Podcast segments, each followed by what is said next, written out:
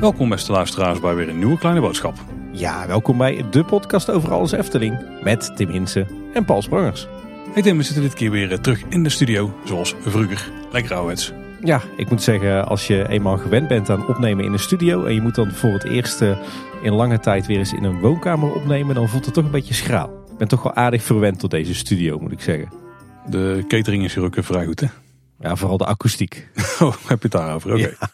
Hey Tim, volgens mij kan ik vandaag best goed voorspellen hoe deze nieuwsaflevering eh, gaat lopen. Volgens mij hebben we dadelijk een stukje nieuws. En hebben we nog een paar schroeven die vastgedraaid zijn tijdens het onderhoudsblokje. En misschien dat we nog eh, wel eh, in één adem al het kort nieuws kunnen behandelen. Ik heb soms vermoeden dat het gewicht vandaag wel eens kan gaan liggen en dan nog dit. Ja, want eh, ondanks dat we allebei niet echt herfstvakantie hebben gehad. We zitten natuurlijk nu, terwijl we dit opnemen, maar ook als deze aflevering uitkomt, midden in de herfstvakantieperiode. We hebben allebei niet echt herfstvakantie, maar volgens mij zijn we redelijk eh, eh, actief geweest. Hè? We zijn flink op en neer gereisd door het land, maar ook door Europa. Dus er is veel om veel te vertellen. Om een of andere reden heeft zich allemaal geconcentreerd in de afgelopen paar weken. Ja. Ja, want anders zijn we nooit op pad. Nee, never nooit. Maar we gaan het natuurlijk vooral over de Efteling hebben in deze aflevering. Ja, Tim, ik wou nog wel even een brugje slaan. Want ik zou eigenlijk nog wel binnenkort een keer met jou op pad willen samen. Nou, dat klinkt sowieso goed. Zullen wij eens een keer eh, op kosten van eh, bijvoorbeeld de BNR wat eh colatjes gaan drinken en wat de borrelnootjes gaan knauwen in het, eh, nou, ik noem maar wat, het Instituut voor Beeld en Geluid of zo? Je bedoelt die plek waar we de laatste paar jaar een keer of twee per jaar eh, te vinden zijn. Ja, en dat is inderdaad de reden waarom ik het zeg, Tim. Want de Dutch Podcast Awards komen er weer aan. Eh, je kunt daarvoor eh, stemmen tot 27 oktober. Alleen het is dit jaar wel net iets anders dan normaal. Eh, alle categorieën die zijn al vastgelegd. Dat heeft de jury al zijn, ik weet niet hoe ver ze er al mee zijn, maar die hebben daar in ieder geval al de podcast voor genomineerd. En mogelijk al winnaars voor uitgekozen. Maar er is ook een publieksprijs en daar kun je dus wel voor stemmen. En dat is de enige categorie waar wij dus in genomineerd zouden kunnen worden. Dus volledig uit eigen belang, als jullie daar nu met z'n allen voor gaan stemmen, dan kunnen wij met z'n tweeën weer een mooi eh, ritje richting Hilversum maken. Ja, en los daarvan zou het natuurlijk wel mooi zijn als een, eh, een hobbypodcast als eh, kleine boodschap over een niche onderwerp als de Efteling. Als die ook zijn opwachting kan maken tussen de genomineerden. hè. Want ik zag in de, alle categorieën die door de jury zijn bepaald, dat daar toch heel veel mainstream media tussen zat. Heel veel eh, podcasts die worden gemaakt door BN'ers of door publieke omroep of door kranten. Terwijl het Medium Podcast natuurlijk ooit begonnen als, als hobbyproject. Dus eigenlijk horen ja, dit soort uit de hand gelopen hobby's als kleine boodschap toch ook wel tussen de nominaties. Ja, ik grappig er wel een beetje over, maar dat vind ik ook de voornaamste reden. hoor. Het is gewoon tof als een podcast als die van ons, dat die ook in die lijst zou kunnen komen. Ja, en onze podcast van vorige week verdient het nou niet echt de Dutch Podcast Award qua geluidskwaliteit. Maar wel qua inhoud, Tim. Want gezellig en humoristisch was hij volgens mij wel. dat zeker. Maar we beloven plechtig dat vanaf vandaag eh, de geluidskwaliteit weer op het, eh, het oude niveau is. Nou, gun je ons een stem en een nominatie voor de Dutch Podcast Awards? Ga dan naar podcastawards.nl slash stemmen. En daar kan je dus stemmen tot en met 27 oktober. En heb je nou een andere favoriete podcast dan een Kleine Boodschap, dan moet je natuurlijk vooral daarop stemmen. Zeker. En nu eh, door naar de Efteling, hè? Nou Ja, eerst naar de follow-up, Tim. Want eh, we hebben aflevering 350 gemaakt samen met Arjan van Bavel. Die was toen te gast. En heb je nu nog niet genoeg gekregen van Arjan? Dan heb je geluk, want er staat een eh, andere podcast eh, online. The Making of Media, waar wij ook ooit te gast waren. En daar was Arjan ook te gast. En daarbij gaat het om nog eh, veel meer dan alleen zijn Efteling carrière natuurlijk. Dat is hetgene waar we hebben gefocust. Maar Ron die heeft in dit geval trouwens ondersteund door onze, nou ik wil zeggen onze eigen Bjorn Bouws. Zo is het natuurlijk niet helemaal, maar Bjorn heeft ook al heel vaak bij ons eh, meegeholpen aan afleveringen. Die hebben samen Arjan geïnterviewd en die hebben vooral over de rest van zijn carrière gehad. Dus super interessant. Ja, vooral heel veel over eh, Adje, hè? En nog heel veel verhalen van achter de schermen bij mooi de leeuw. Dus sowieso super interessant. Ja, we zullen een eh, linkje naar de afleveringen in onze show notes plaatsen. En die vind je natuurlijk op kleineboodschap.com bij de aflevering of eh, in je podcast app. Hey, onze vorige nieuwsaflevering was aflevering 354. Daarin hadden we het over het feit dat je tegenwoordig eh, even kort het park in mag om een souvenirtje te kopen. Nou kregen we daar heel veel reacties op van luisteraars. En het blijkt dat het al heel lang zo is dat je even kort het park in mag om souvenirs te kopen. Zonder dat je dan een entreekaartje hoeft te kopen. Je mag dan 30 minuten het park in. En je moet dan bij de gastenservice ehm, borg achterlaten. Eh, nou was zo'n beetje iedere reactie die we van luisteraars kregen anders. De een die liet zijn ID-kaart achter. De ander zijn Efteling abonnement. En ik eh, zag ook wel autosleutels voorbij komen. Dus wat precies die borg dan is, dat blijkt nogal te verschillen per jaargetijde. Uh, maar als je dus de Efteling in wil om een souvenirtje te kopen, dan, eh, dan kan dat gewoon voor 30 minuten. En mochten we vragen krijgen van hoe zit het dan met de Efteling abonnement dat je achterlaat. Dat was op een dag dat het park voor abonnementhouders gesloten was. Want anders kun je natuurlijk gewoon met je abonnement binnen om een souvenirtje te kopen. precies. Hey, en we hadden het de vorige keer ook eventjes over uh, de plannen voor de nieuwe hondenkennel. En daarin beschreven dat die zou komen te liggen op het, uh, het grasveldje met uh, de rode beuken. Waar uh, ook de weg doorheen gaat die naar parkeertrein P2 leidt. En we zeiden toen dat die nieuwe hondenkennel met de rug tegen de plantenkassen aan zou komen te liggen. Maar dat is natuurlijk helemaal niet waar, besefte ik me toen ik over de Kinkerpolder heen fietste. Want tussen dat grasveld waar die hondenkennel zou komen en de plantenkast ligt natuurlijk nog een heel landbouwperceel wat niet van de Efteling zelf is. We rectificeren hem naar met de rug richting de plantenkas. Helemaal waar. En dan de hoofdonderwerpen, Tim. En dan is denk ik het grootste nieuws van de afgelopen weken wel dat eh, de nieuwe Winter Efteling is aangekondigd. De 25e editie inmiddels. Ja, feestje. En die gaat plaatsvinden van 13 november tot en met 28 januari. En daarbij eh, zijn een aantal nieuwigheden aangekondigd. Er komt een, eh, een grotere openluchtschaatsbaan. En in het algemeen trouwens vermoed ik dat we gewoon het volledige zomerstrandterrein dat daar heringericht gaat worden. En dat daar waarschijnlijk aan de achterkant dus die grotere openluchtschaatsbaan komt te liggen. Maar in ieder geval groter dan vorig jaar. Dat is de nieuwigheid daar. En de warme winterweide die gaat een, een nieuwe wintersupport krijgen. De van die zag er wel goed uit in. En volgens mij moet jouw achter ook wel wat sneller van gaan kloppen. Want het leek wat Jugendstil invloed te hebben. Ja, vond je? Ik, ik zat een beetje op twee eh, gedachten te hinken. Hey, zoals ik, dat eh, niet. Ja, zoals ik nog wel eens doe. Eh, ik vond hem aan de ene kant inderdaad heel mooi sierlijk. Maar het, het, was, het neigde ook wel een klein beetje naar potsierlijk. Of misschien wel een klein beetje kitscherig. Ja, dat ligt totaal aan de uitvoering denk ik. Nou, want dat zou wel iets kunnen worden. Eigenlijk willen we toch gewoon twee mooie kolommen van ijzelsteentjes met een natuursteen afdekkertje erop. Een mooie lamp met een flakkerend gaslichtje erin. En dan van die mooie siersmeedijzeren poorten met in gouden letters Luna Park. Die dan zo open, mooi openslaan. Dat is wat we willen toch? Hm. Niet? Op plekken ja. maar niet hier. Een ander nieuwtje is dat er eh, sneeuwbollen op het Tom van de Vemplein en in Ruigrijk gaan komen. Daar zijn al van die fotomomenten bollen, dus daar kun je in gaan stappen met een klein decoortje er ook achter. Er wordt waarschijnlijk wat sneeuw omhoog geblazen, want het, eh, je kunt het er ook laten sneeuwen blijkbaar. Ja, en eh, de Efteling zegt dat dit een nieuw element is, maar het is eerder de terugkeer van een oud en vertrouwd element. Hè? Want in drie Winter Efteling edities tussen 2005 en 2007 stonden er ook al dit soort sneeuwbollen in het park waarin je foto's kon laten maken van jezelf.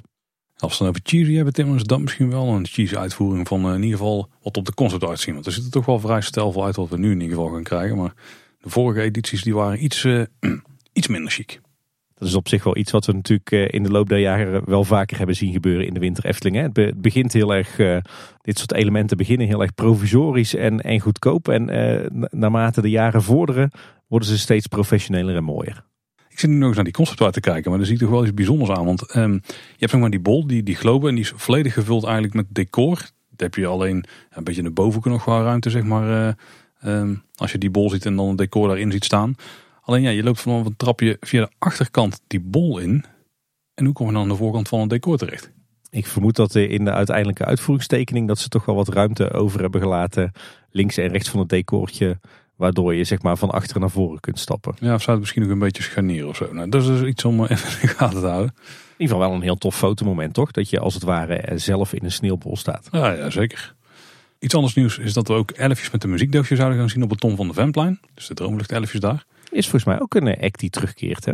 Ja, zou dit die, eh, die doosjes zijn waar ze dan zo op zo'n ja, zo'n paal zitten en dan pirouetjes gaan draaien? Paaldansen. Ja, nou, dat is dan net niet, maar paal zitten, al dansend. Dat klinkt niet veel beter.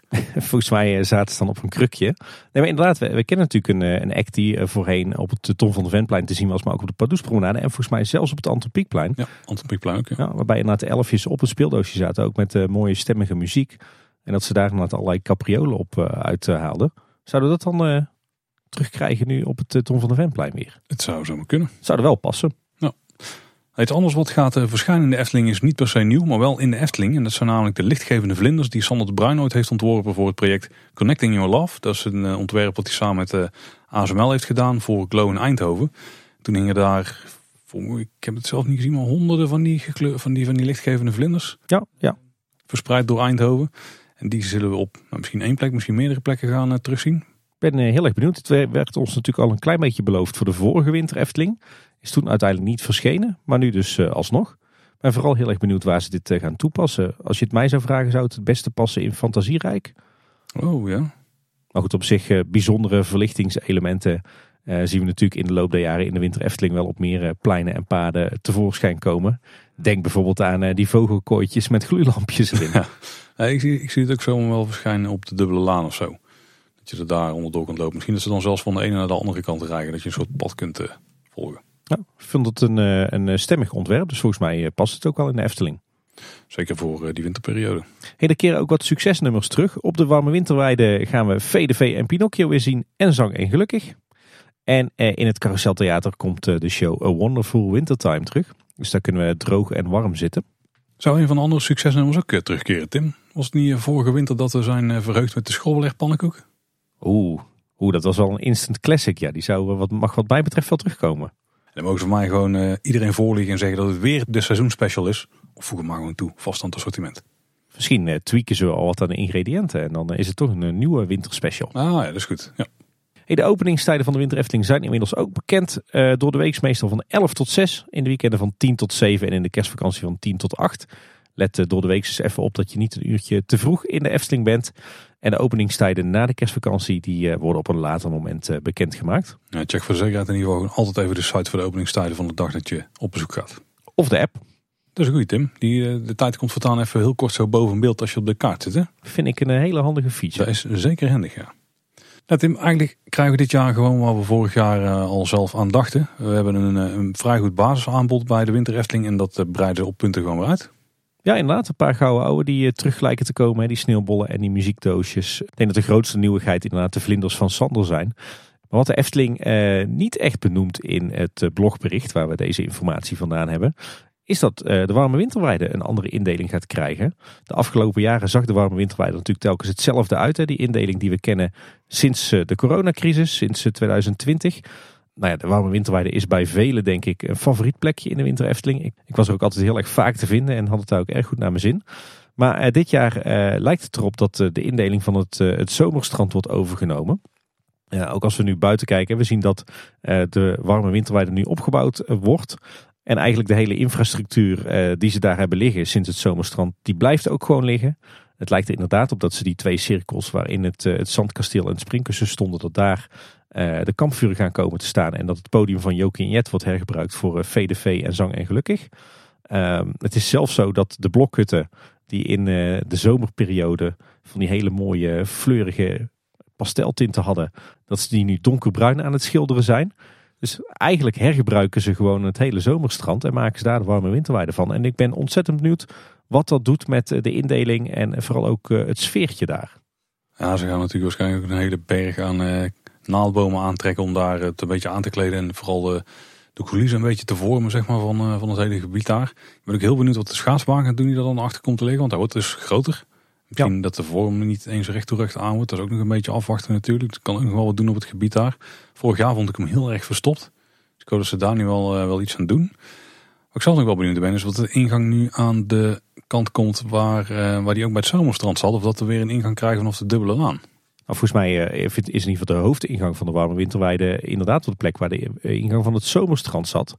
Want je ziet dat ze daar nu al bezig zijn met voorbereidende werkzaamheden voor die nieuwe poort dat hij aan die kant lag voor de zomerweide is logisch omdat er een linkje was met Carnaval Festival. Dat is natuurlijk nu niet. Op zich was er niks mis met de opening die kant op ook. Omdat je dan uh, wat makkelijker bij toiletten kon komen en zo.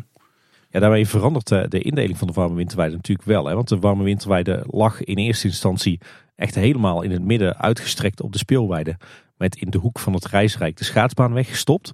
En als ik nu uh, kijk naar de meest recente foto's vanuit de pagode, dan lijkt het erop dat de warme winterweide veel compacter is en echt georiënteerd is op het Reisrijkplein. En dat uh, de schaatsbaan daar als het ware aankomt te liggen midden op de speelweide. Dus echt het warme winterweide deel lijkt kleiner te worden. Ja, en zal het grootste deel ook gewoon verhard zijn met de stenen. En niet met uh, die boomschors waar de afgelopen jaren ja, overheen hebben gestruind. Ik, was een beetje zombig het grootste deel van de tijd, maar doorheen hebben geploegd. Ja, doorheen hebben geploegd, ja. Ik ben heel erg benieuwd wat dit gaat doen met, uh, met de warme winterweide. Dat is wel de grootste vraag uiteindelijk, ja. ja. Ja, en verder dus weinig echt nieuws buiten de vlinders dus. Alhoewel de ervaring natuurlijk wel leert dat we in de weken voorafgaand aan de winter Efteling toch nog wel wat aankondigingen krijgen. Met misschien toch weer een nieuwe entertainment act met wat nieuwe signature snacks. Wow.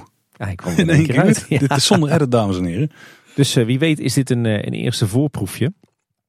Maar anders is het vooral doorbouwen op de winter Efteling van de afgelopen edities.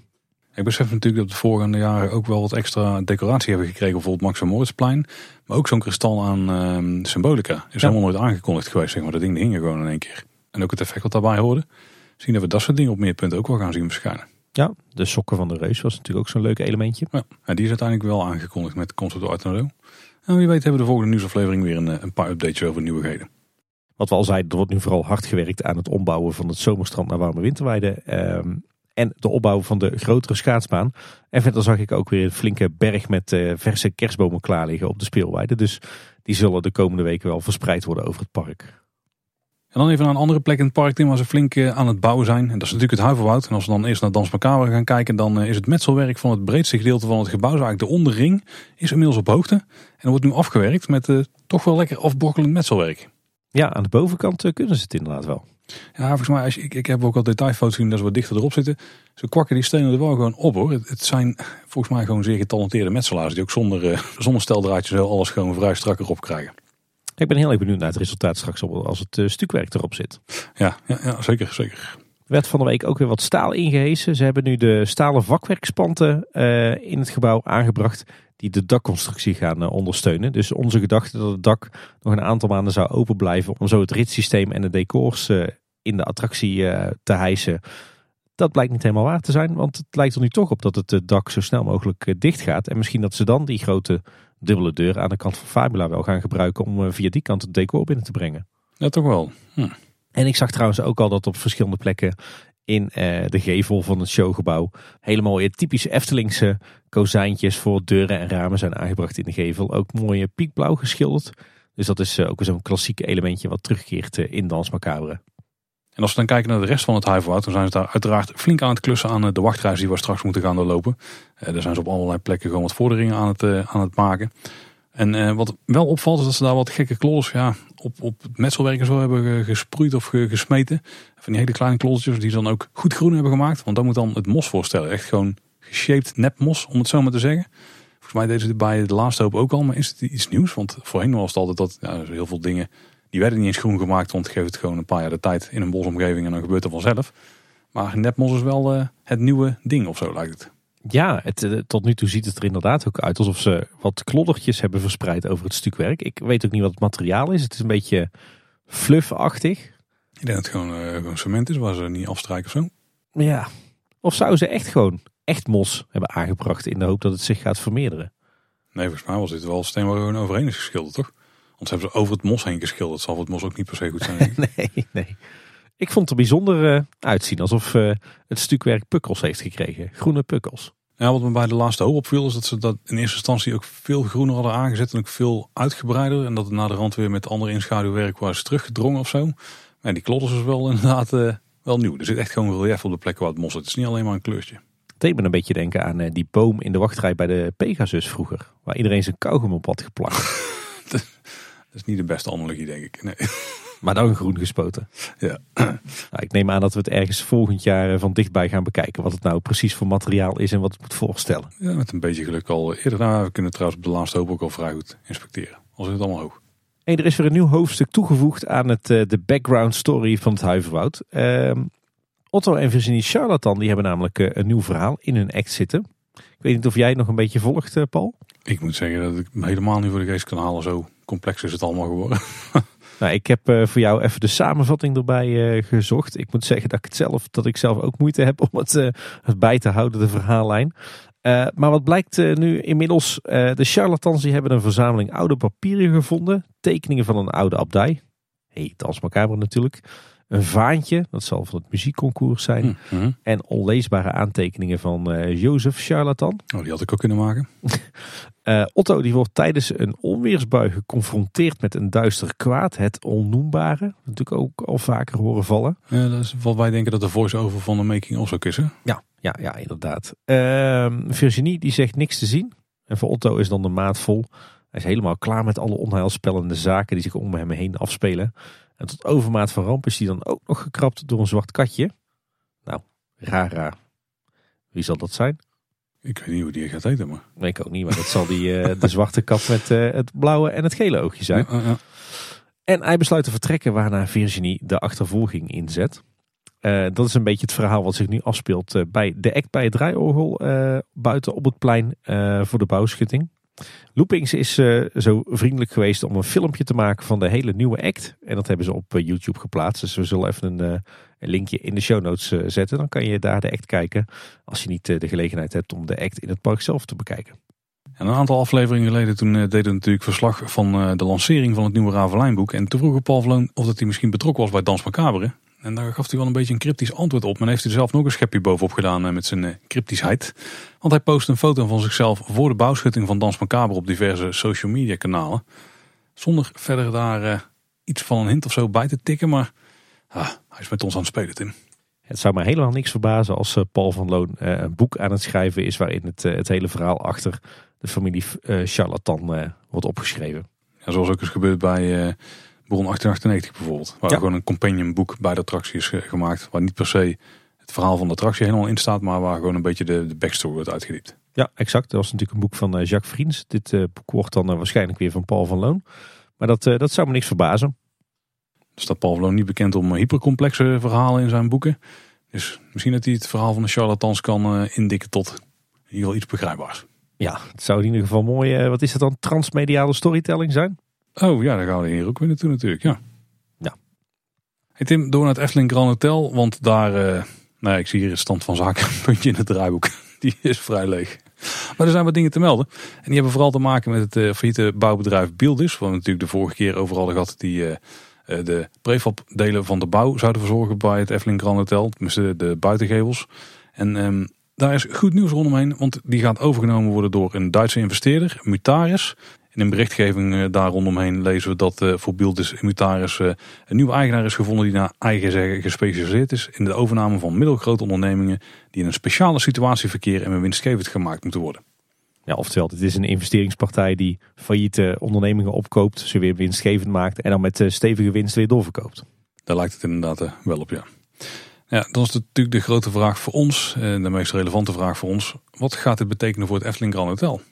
Nou ja, in de basis is het natuurlijk goed nieuws. Ik bedoel, uh, alles beter dan dat er uh, geen doorstart gemaakt kan worden en het uh, bedrijf gewoon failliet gaat. er is nu een nieuwe eigenaar met financiële middelen. Betekent dat de activiteiten van Beeldis zullen worden voortgezet. Dus ik denk dat er uiteindelijk wel prefab wandjes en prefab geveldelen gaan komen vanuit de fabriek van Beeldis. Maar ja, het, het zal misschien even duren voor alles weer is opgestart en, en de lijn weer begint te lopen. Dus linksom of rechtsom zal toch een hoop extra vertraging zijn. En dat blijkt ook wel, want inmiddels gaan we richting november en staat er nog steeds geen prefab op het bouwterrein. In ieder geval geen prefab buitengevelwandje. Want er is wel een klein dakje gespot op de bouwplaats, Tim. Heel kort. En die was ik heel snel weg. Ja, het leek een beetje een proefje voor timmerwerken. Nou, dat is geen, geen prefab bouwdeel, hè? Ik denk niet dat die vanuit de beelden kwam. Nee, er zat weinig, weinig beton of metselwerk in was volgens mij gewoon, uh, gewoon hout. En misschien ook een proefje met hoe om te gaan met, uh, met de dakbedekking van dat uh, gevelste zink of koper. Maar dat kon ik niet goed zien op de foto. Ik had het idee dat, dat dat er nog niet op zat. Ja, en verder is het nagenoeg doodstil op de bouwplaats van Efteling Grand Hotel. Hè. Alhoewel er wel volgens mij druk wordt doorgewerkt aan de installaties in de kelder. Laten we vooral hopen dat het niet heel lang zo stil blijft. Nee, ik kan niet wachten op de dag dat de vrachtwagens met prefab beton hier het bouwterrein oprijden. Ja, toch Tim is er een dame die blijft gewoon eh, rustig doorslapen. Ondanks alle bedrijvigheid die daar rondomheen wel plaatsvindt. Namelijk door een roosje. Want bij het kasteel daar eh, zijn ze uiteraard hard aan het klussen. Misschien even gewoon de stand van zaken opnemen. Het pad links het kasteel is nu helemaal gereed. Dat is ook in gebruik. Daar kun je op je gemak overheen wandelen. En het is best wel een prima route om het Sprookjesbos te starten. Het ziet er ook vrij uit, hè? alsof het er al 70 jaar in ligt. Ja, en ik moet zeggen dat uh, ze de rest van de natuur daar best wel goed uh, met rust hebben gelaten. Dus niet dat ze daar uh, heel die vloer of heel die, die, die bosbodem zeg maar, schoon hebben geveegd. Die staat er eigenlijk gewoon voor het grootste deel nog. En daar is pad gewoon netjes doorheen gelegd. Dus dat is wel, wel heel fijn. Ja, wat wel interessant is om te zien is dat ze de funderingen van het kasteel nu hebben vrijgegraven. En daar zie ik af en toe wat detailfoto's van. Dan hou je toch ook je hart vast van gaat het allemaal goed? Ja, ja, en sowieso vind ik het wel bijzonder wat ze hier hebben gedaan. Want ze hebben dus als het ware de grond weggegraven onder de fundering van het kasteel. En alle muurtjes en de, en de trappen. En vervolgens hebben ze daar een soort provisorische bekisting gemaakt van houten planken.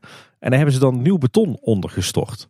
Dus ze hebben als het ware het hele kasteel van Doornroosje en alle muurtjes en trappen hebben ze voorzien van extra fundering aan de onderkant tegen de oude fundering aan. Waarschijnlijk om het iets meer stevigheid te geven. Uh, ik vraag me wel af of dat goed gaat. Want ja, ze hebben gewoon de grond uh, dus weggegraven onder het kasteel. Een beetje verdicht en daarna die beton erin gegooid. Maar ja, er zit geen wit zand onder en het is ook niet flink verdicht. En er zit ook geen andere funderingspaal of zo onder.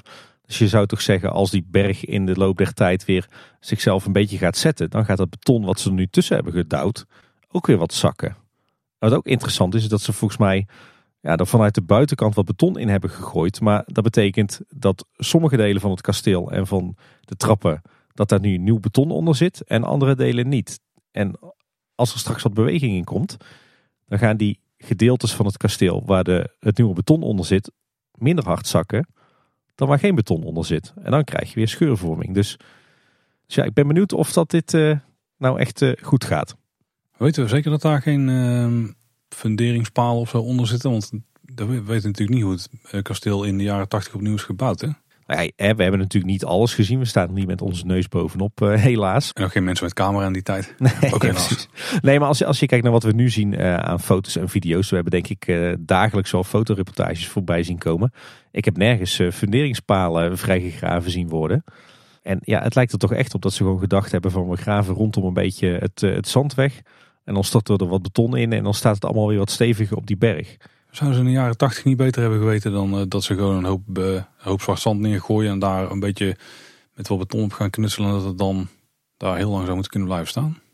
Die tijd zullen ze ook wel hebben bedacht van misschien moeten we daar wel palen inzetten of zo en dat het dan daarop leunt en dat we daar de berg tegenaan leggen. Ik weet niet of ze dan op de hoeken zit of zo, ik heb geen idee. Nou ja, dit, dit kasteel is natuurlijk gebouwd in de tijd van het, uh, het spookslot. En hoe noemden ze het toen? Professioneel hobbyen? Uh, dat is wel waar, eigen bouwdienst en zo misschien. Hmm. Hmm. Nou ja, het is wel degelijk gebouwd. Alleen de vraag is, is het gebouwd met de gedachte dat het er 50 of 100 jaar moet blijven staan? Ja. Het zal er allicht steviger van worden, maar ik ben heel erg benieuwd wat er gebeurt als er weer wat beweging in die, die heuvel gaat komen. Dat blijkt overigens ook wel, want eh, in eh, de muur van de trap naar beneden, vanaf het kasteeltje het Kabouterdorp in, daar zit nu ook die, eh, die nieuwe funderingsstrook onder. En ik zag dat die op één plek alweer flink is gaan scheuren. zowel de muur als ook die nieuwe fundering eronder. Dus er zit toch meer beweging in die berg dan je denkt. En nog wat andere details. In een van de torens aan de voorkant van de heuvel is een grote sparing gezaagd. Zo te zien voor een deurtje of een luik. Mogelijk om ook de binnenkant van de torens te kunnen inspecteren in de toekomst. En er wordt nu hard gewerkt aan het opbouwen van een steiger eh, op het hele kasteel, rond alle torens. En verder viel nog op dat ze nu druk bezig zijn met, uh, met die trap vanaf het kasteeltje naar beneden het kabouterdorp in. Daar hebben ze al het stukwerk van de muren gebikt en ook de grote keien die bovenop die muren lagen als afdekking. Die hebben ze voorzichtig losgebikt. Het lijkt erop dat die uh, behouden blijven, dat die gewoon straks weer opnieuw vastgemetseld worden op dat muurtje. Kortom, hier wordt hard gewerkt en ontzettend leuk voor ons eh, om deze restauratie te volgen. En dan gaan we nog even kijken naar wat andere ontwikkelingen in de wereld van de Efteling. Want het parkeerterrein bij Bosrijk hebben we natuurlijk al regelmatig besproken. Die wordt uitgebreid, of die is inmiddels uitgebreid, want die is ook in gebruik genomen.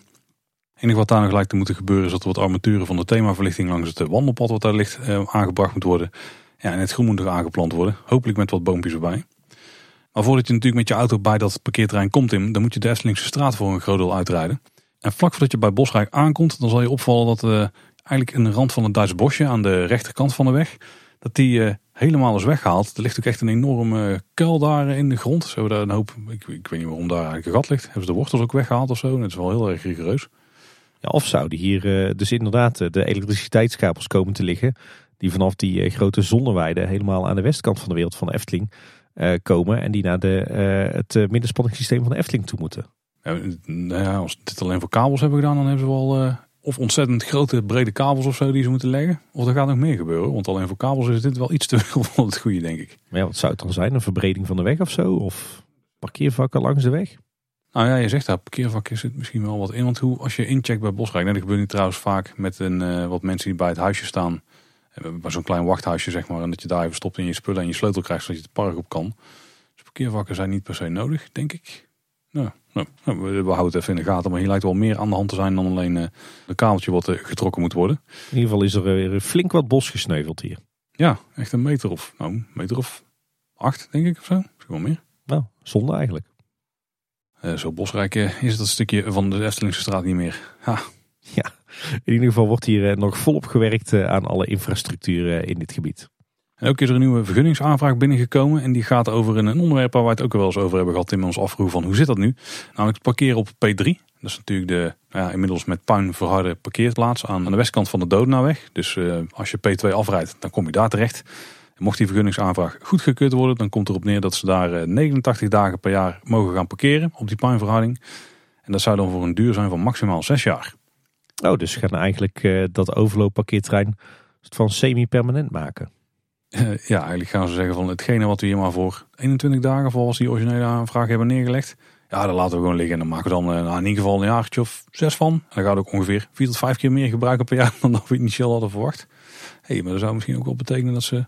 Want gebruiken ze nu vaak? Nee, ik geloof dat dit jaar drie keer is gebruikt. En ze willen 89 keer tot 89 keer per jaar gaan gebruiken.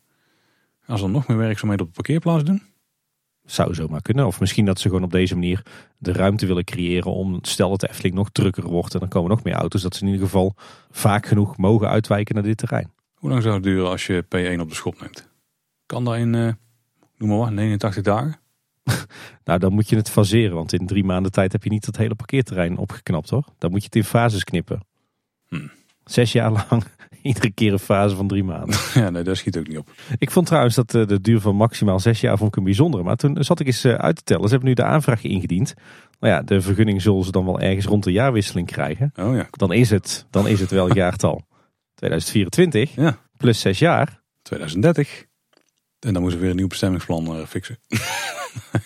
Nou ja, ik denk dat ze met het bestemmingsplan Wereld van Efteling 2030 nog wel uh, 20 jaar verder uh, vooruit kunnen. Dat denk ik ook wel. Maar dat, uh, ik denk nou, zou daar dan die, die specifieke duur vandaan komen? Ja, daar zit wel wat in. Nou, misschien, ja, nou, misschien is die 2030 nog steeds een stip op de horizon. En wat ze daarna gaan doen, dan vragen ze dan tegen die tijd wel weer vergunningen vooraan. Ja, denk het ook. En over stippen op de horizon gesproken. Mij viel vandaag nog op dat ze eindelijk zijn verder gegaan met het kappen van bomen langs de verlegde horst. Uh, ze zijn vandaag begonnen in het uh, noordelijke deel, richting het, uh, het Efteling Hotel. En dat is natuurlijk in het kader van het, het verleggen van de buitengrens van het Efteling Park. volgens de vergunningsaanvraag zou hier een hek en een sloot komen en nog wat, wat poorten en volgens mij ook een grondwalletje. daar zijn ze begin dit jaar mee begonnen. daar zijn ze toen mee gestopt. En vanaf vandaag gaan ze daar blijkbaar weer mee verder. Misschien dat het iets met het broedseizoen te maken zou kunnen hebben. Kan ik me zo maar Je kijkt nu niet naar een expert, dus ik heb geen idee. Nou ja, volgens mij eindigt dat ergens in oktober. Dus dat uh, zou zomaar uh, de reden kunnen zijn waarom ze dat destijds stilgelegd en nu weer verder gaat. Maar het lijkt er dus toch op dat uh, binnenkort het hek van het Efteling Park wordt verzet. Of in ieder geval verdwijnen de bomen die daarvan nu nog in de weg staan. Jammer van de bomen, maar laat het hek maar komen. Wow, ik ben al helemaal bezig met mijn Sinterklaasruimte. Dat blijkt. Ik zou zeggen, wil jij ook het onderhoudsblokje op rijm doen? Poeh, nou dan hebben we iets meer tijd nodig dan die drie schroeven die ik heb aangekondigd. we gaan wel uh, naar het onderhoudsblokje Tim. En dan, uh, ja, dan starten we eigenlijk gewoon klassiek en fantasierijk hè? Dan starten we gelijk in fantasierijk. Nee, jij bent ook goed bezig. Nou, misschien kunnen we het samen toch wel voor elkaar krijgen. ja. Uh, ja, het fontein van Symbolica die is afgezet met bouwhekken. Dus ging ik de foto's maar eens checken. Zal dit maar bewaren tot de Sinterklaas aflevering. Nou, laten we het dan ook maar gewoon niet doen. Oké. Maar wij vroegen ons wel af, wat gaat hier nou precies gebeuren? Want het is afgezet met bouwhekken en die zijn uh, mooi aangekleed. Er zit een, een bouwdek wat verwijst aan de ingang van Symbolica. Gewoon met mooie vormgevingen. Alsof dit uh, iets is wat hier, nou in ieder geval op zijn minst weken zou gaan staan. Ja. En toen dachten wij van, gaan ze nou alleen die fontein schoonmaken? Of ja, het is toch een zorgenkindje. Zouden ze hem volledig gaan reviseren? Zouden ze misschien zelfs gaan slopen of, of herbouwen of volledig weghalen? Nou ja, dat is nog niet bekend. Maar wat we vandaag wel zagen is dat er een sleuf is gegraven naar de fontein toe. Dat zou kunnen wijzen dat ze misschien een, uh, een aansluiting gaan maken op de riolering. Misschien om dat ding makkelijker leeg te laten lopen. Misschien dat er een soort filtersysteem komt om de enorme algeaanslag te voorkomen die nu vaak op de fontein uh, zit. Misschien komt er een extra waterleiding of zo om hem uh, ook makkelijk te vullen. Ze zijn in ieder geval aan het knutselen met kabels en leidingen rond deze fontein. Dan gaan we door naar het uh, andere rijk. Daar is natuurlijk Fata Morgana uit de vaart. Van 16 tot en met 27 oktober gesloten voor uh, het uh, jaarlijkse onderhoud. Viel mij op dat zondagavond 15 oktober, dus kort na de sluiting van het park, meteen al de bootjes uit de attractie werden gereden met de verrijker. Dus ze zijn er echt meteen met een volle vaart aan de slag gegaan. En wat me ook nog opviel is dat bij de toegang tot het Fata Morgana plein nu twee Arabische wachters staan. Die daar in thema vertellen dat de attractie dicht is. Toch denk ik een beetje om de pijn te verzachten. Iets wat we natuurlijk ook zagen met elfjes bij Droomvlucht toen de attractie in storing lag. Of hij ligt nog steeds in storing. Zou dit een eh, nieuw soort eh, beleid zijn? Dat als een eh, grote attractie dicht is, dat dan in plaats daarvan dat er straattheater is in thema van die attractie? Hmm, ja, misschien bij de attracties wat kan. Bij Ravelijn heeft het ook wel gedaan natuurlijk. Maar bij Vogelrok doen ze het weer niet. Ook een vrij grote attractie, en de Draak. Ook niet gezien. Misschien, ja, misschien incidenteel als het gewoon kan. Of een nieuwe ontwikkeling? Ja, we het bij Vogelrok ook wel moeten zien. Of zou dat dan weer te lang duren. Ja, daar heb je natuurlijk wel die grote fotoprint op de steiger. Ja, dat ze dat dan voldoende vinden. Hm, ja, zit wel in. Nou, binnenkort gaan eh, Joris en de Draak en Piranha langdurig dicht. Kijken wat we daar eh, te zien krijgen. Maar Retje Bentje, Op het Piranhaplein. ja zeker. Ik zou er geen nee tegen zeggen. Hey, Fabula is natuurlijk een paar dagen dicht geweest. En we zien nu dat ze in die periode wat aanpassingen hebben doorgevoerd in het eh, wereldrestaurant van Fabula. Eh, zo zijn de grote houten kasten weg. eh, die eigenlijk eh, ja, toch wel een beetje in de weg stonden voor de uitgiftebalies van het restaurant. En je kan nu voortaan zelf je broodje pakken uit een warmhoutkast. In plaats van dat je dat bij de medewerker moet bestellen en die het uit de kast haalt. En dan groot nieuws uit Ruigrijk. Want het was al eerder bekend dat Joris en de Draak een tijdje dicht zou gaan voor onderhoud. Maar die periode die gaat een stuk langer duren. De attractie gaat namelijk eh, sowieso eerst sluiten van 30 oktober tot met 22 december. Nou, dan begint de kerstvakantie, dan gaat hij weer eh, een paar weken open. Maar dan van 8 januari tot en met eind april gaat hij ook nog dicht. En eh, wat ze nou dus gaan doen is dat ze fase 2 en 3, die gepland waren voor 2023 en 2024, gaan combineren. Want initieel hadden ze gezegd, we gaan over een periode van een aantal jaren gaan losse onderhoudsperiodes plannen zodat we ja, die attractie niet heel de tijd heel lang dicht hoeven te hebben. Maar toch hebben ze er nu voor gekozen om het samen te voegen. En projectleider Robin van Dongen die vertelt erover dat ze zo het voortraject maar één keer hoeven op te starten. En zo kunnen ze ook alle vergunningen in één keer aanvragen. En dat is een stuk efficiënter en dat bespaart ook gewoon kosten. En volgens mij is het ook wel slim hoor, want het gaat om fase 2 en 3 van het grote onderhoud. En fase 2 stond natuurlijk gepland voor de laatste maanden van 2023, fase 3 voor de laatste maanden van 2024. Nu haal je die derde fase naar voren, dus naar de eerste maanden van 2024. Zit dan al wel in die nieuwe begroting, maar het sluit eigenlijk op elkaar aan. Dus het is één project verdeeld over twee jaren. Alleen in plaats van dat je het dan helemaal naar het einde van het jaar schuift, haal je het naar voren, zodat je het eh, tot één project kan smeden. Op zich heel slim. En er was overigens ook al een eh, gerucht dat we al eerder konden melden. Hè? Wat er gaat gebeuren is dat ze het resterende deel van de baan gaan retracken. En dat gaat deels gebeuren met het eh, Ironwood, wat nou ook al op een paar plekken is toegepast. Komt geen nieuw staal in de baan overigens, las ik. De gevel van het stationsgebouw die gaat geschilderd worden en de medaillons worden opnieuw gedecoreerd. Is ook hard nodig. Komt ook een eh, nieuw dakje voor het motorhuis. De poortjes die gaan gestraald en gecoat worden. En de vaandels die worden ook opnieuw opgeknapt die naar beneden komen in het station. Het moeras en de houten vlonder en het kabinet der strijd lustige krijgen onderhoud. Dus eh, eindelijk kennen we weer een chic drankje Tim. Nou, dat eh, verdient ook wel een schilderbeurtje. Kan wel een opfrisbeurtje gebruiken. En ik hoop dat er ook weer wat meer water in het moeras komt te staan. Dat is ook niet verkeerd zijn. Ja. Dat was wel altijd vet. Zeker met het waterval en zo. Ja. Of het waterverval is het meer. Het fotopunt gaat onderhoud krijgen. En het straatwerk rondom het eh, ingangsplein gaat vernieuwd worden. Wordt eh, wat rolstoelvriendelijker. En ik kan je uit ervaring vertellen ook wat kinderwagenvriendelijker. Dat eh, is denk ik een van de meest uitdagende stukjes in de Efteling als je iets op wielen bij hebt. Ja. En volgens mij was er ooit een kaart uitgekomen waarop eh, de makkelijk begaanbare routes met een rolstoel stonden. En vooral de plekken waar je dan niet moest komen. En dit was een vrij rood gekleurd gebied volgens mij. Een donkerrood gebied, ja, net als het lavelaag. ja. Dus ja, Joris en de Draak zou straks weer als nieuw moeten zijn, denk ik. Ja, betekent dus dat er twee attracties eh, in eh, het, eh, de zuidelijke helft van het park toch een hele lange periode dicht zijn. De Piranha en Joris en de Draak gaan na de herfstvakantie dicht en openen pas weer volgend voorjaar. En de Vliegende Hollander krijgt hij ook gewoon een klassiek winteronderhoud. Ik Denk het wel, dat is nog niet aangekondigd. In ieder geval niet voor de kerstvakantie dus. Nee, ik vermoed inderdaad dat hij er weer in januari, februari, maart uit ligt. Ja, oké. Hm. Hey, dan wat werkzaamheden aan de verharding in Ruigrijk. Want het asfalt eh, in het gebied tussen de Game Gallery, de Meermin en de entree van eh, de Halve Maan eh, is volledig vernieuwd. Was ook wel nodig, want daar zaten heel veel scheuren in. Er was heel veel wortelopdruk. Ze hebben daarbij ook wat meer ruimte gegeven aan de bomen en het groen. Dus er keert uiteindelijk minder asfalt terug dan wat er lag. En op de plek waar voorheen de ingang van de Halve Maan zat, daar hebben ze het asfalt volledig weggehaald. Eh, dat is nu ingericht als plantsoen. Dus het lijkt erop dat de meandering van de halve maan wordt ingekort. Het gaat dan om die gekke slinger eigenlijk aan het begin van de wachtrij. Mhm. Eh, het attractiebord moet daar wel nog voor worden verplaatst. Ja, ik kan me ook niet herinneren dat ik hem super vol heb zien staan. Maar dat is ook niet zo'n hoekje waar ik ieder bezoek kom. Maar zeg meer plantsoentjes erbij is niet verkeerd hè. Nee, hoe meer groen hoe beter hè. Nou, niet altijd Tim. Als het mos is in eh, een wachtreis of zo, dan hoeft het eh, niet altijd. Of een fonteintje. ja. En wat van binnen dus niet helemaal groen blijkt te zijn, dat is de Vliegende Hollander. Want die hebben we inmiddels kunnen zien met werkverlichting. Want er is op YouTube een video verschenen waar we vanaf scène 8, waar is dat precies Tim? De mistscène. Ja, waar we vanaf, uh, vanaf daar de attractie in werkverlichting kunnen zien. Ze kunnen ook de mensen die niet bij die ontruiming aanwezig waren meekrijgen hoe die attractie eruit ziet. Ja, en uh, zien we wat meer in detail hoe de boegbeelden nu werken. Hè? Ja, dat is eigenlijk wel een goede. Ja, en inderdaad geen ratten. Ja, en gek genoeg was er heel wat aandacht voor deze video. Het was een uitgebreid interview met de maker van het filmpje op Omroep Brabant. We zullen wel even linken in de show notes. En daarin vroeg Omroep Brabant ook aan de Efteling om reactie op de video.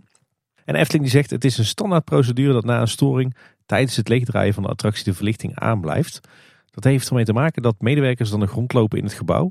Ook kan het zijn dat de monteur nog even goed wil kijken naar de techniek tijdens het draaien. Veiligheid gaat in dat geval voor beleving. Nou, dat is voor ons niks nieuws, maar uh, geeft toch wel aan het feit dat Omroep Brabant er aandacht aan besteedt. Dat dit uh, toch leeft ook bij mensen die misschien niet dag in dag uit met Efteling bezig zijn. Laat overigens wel in het interview dat uh, na dit rondje dat de maker van de video nog een keer de attractie in mocht. En dan wel met de verwerkverlichting uit en alle effecten aan. Dus op die manier is de magie toch weer hersteld. Zeer verrassend, ja. En dan door naar Reisrijk, Tim. En daar gaan we kijken bij Vogelrok, die officieel nog gesloten is vanwege onderhoud. Ja, gesloten. Is een aantal keren als verrassing open gegaan. Zowel op zaterdag 7 als zaterdag 14 en zondag 15 oktober.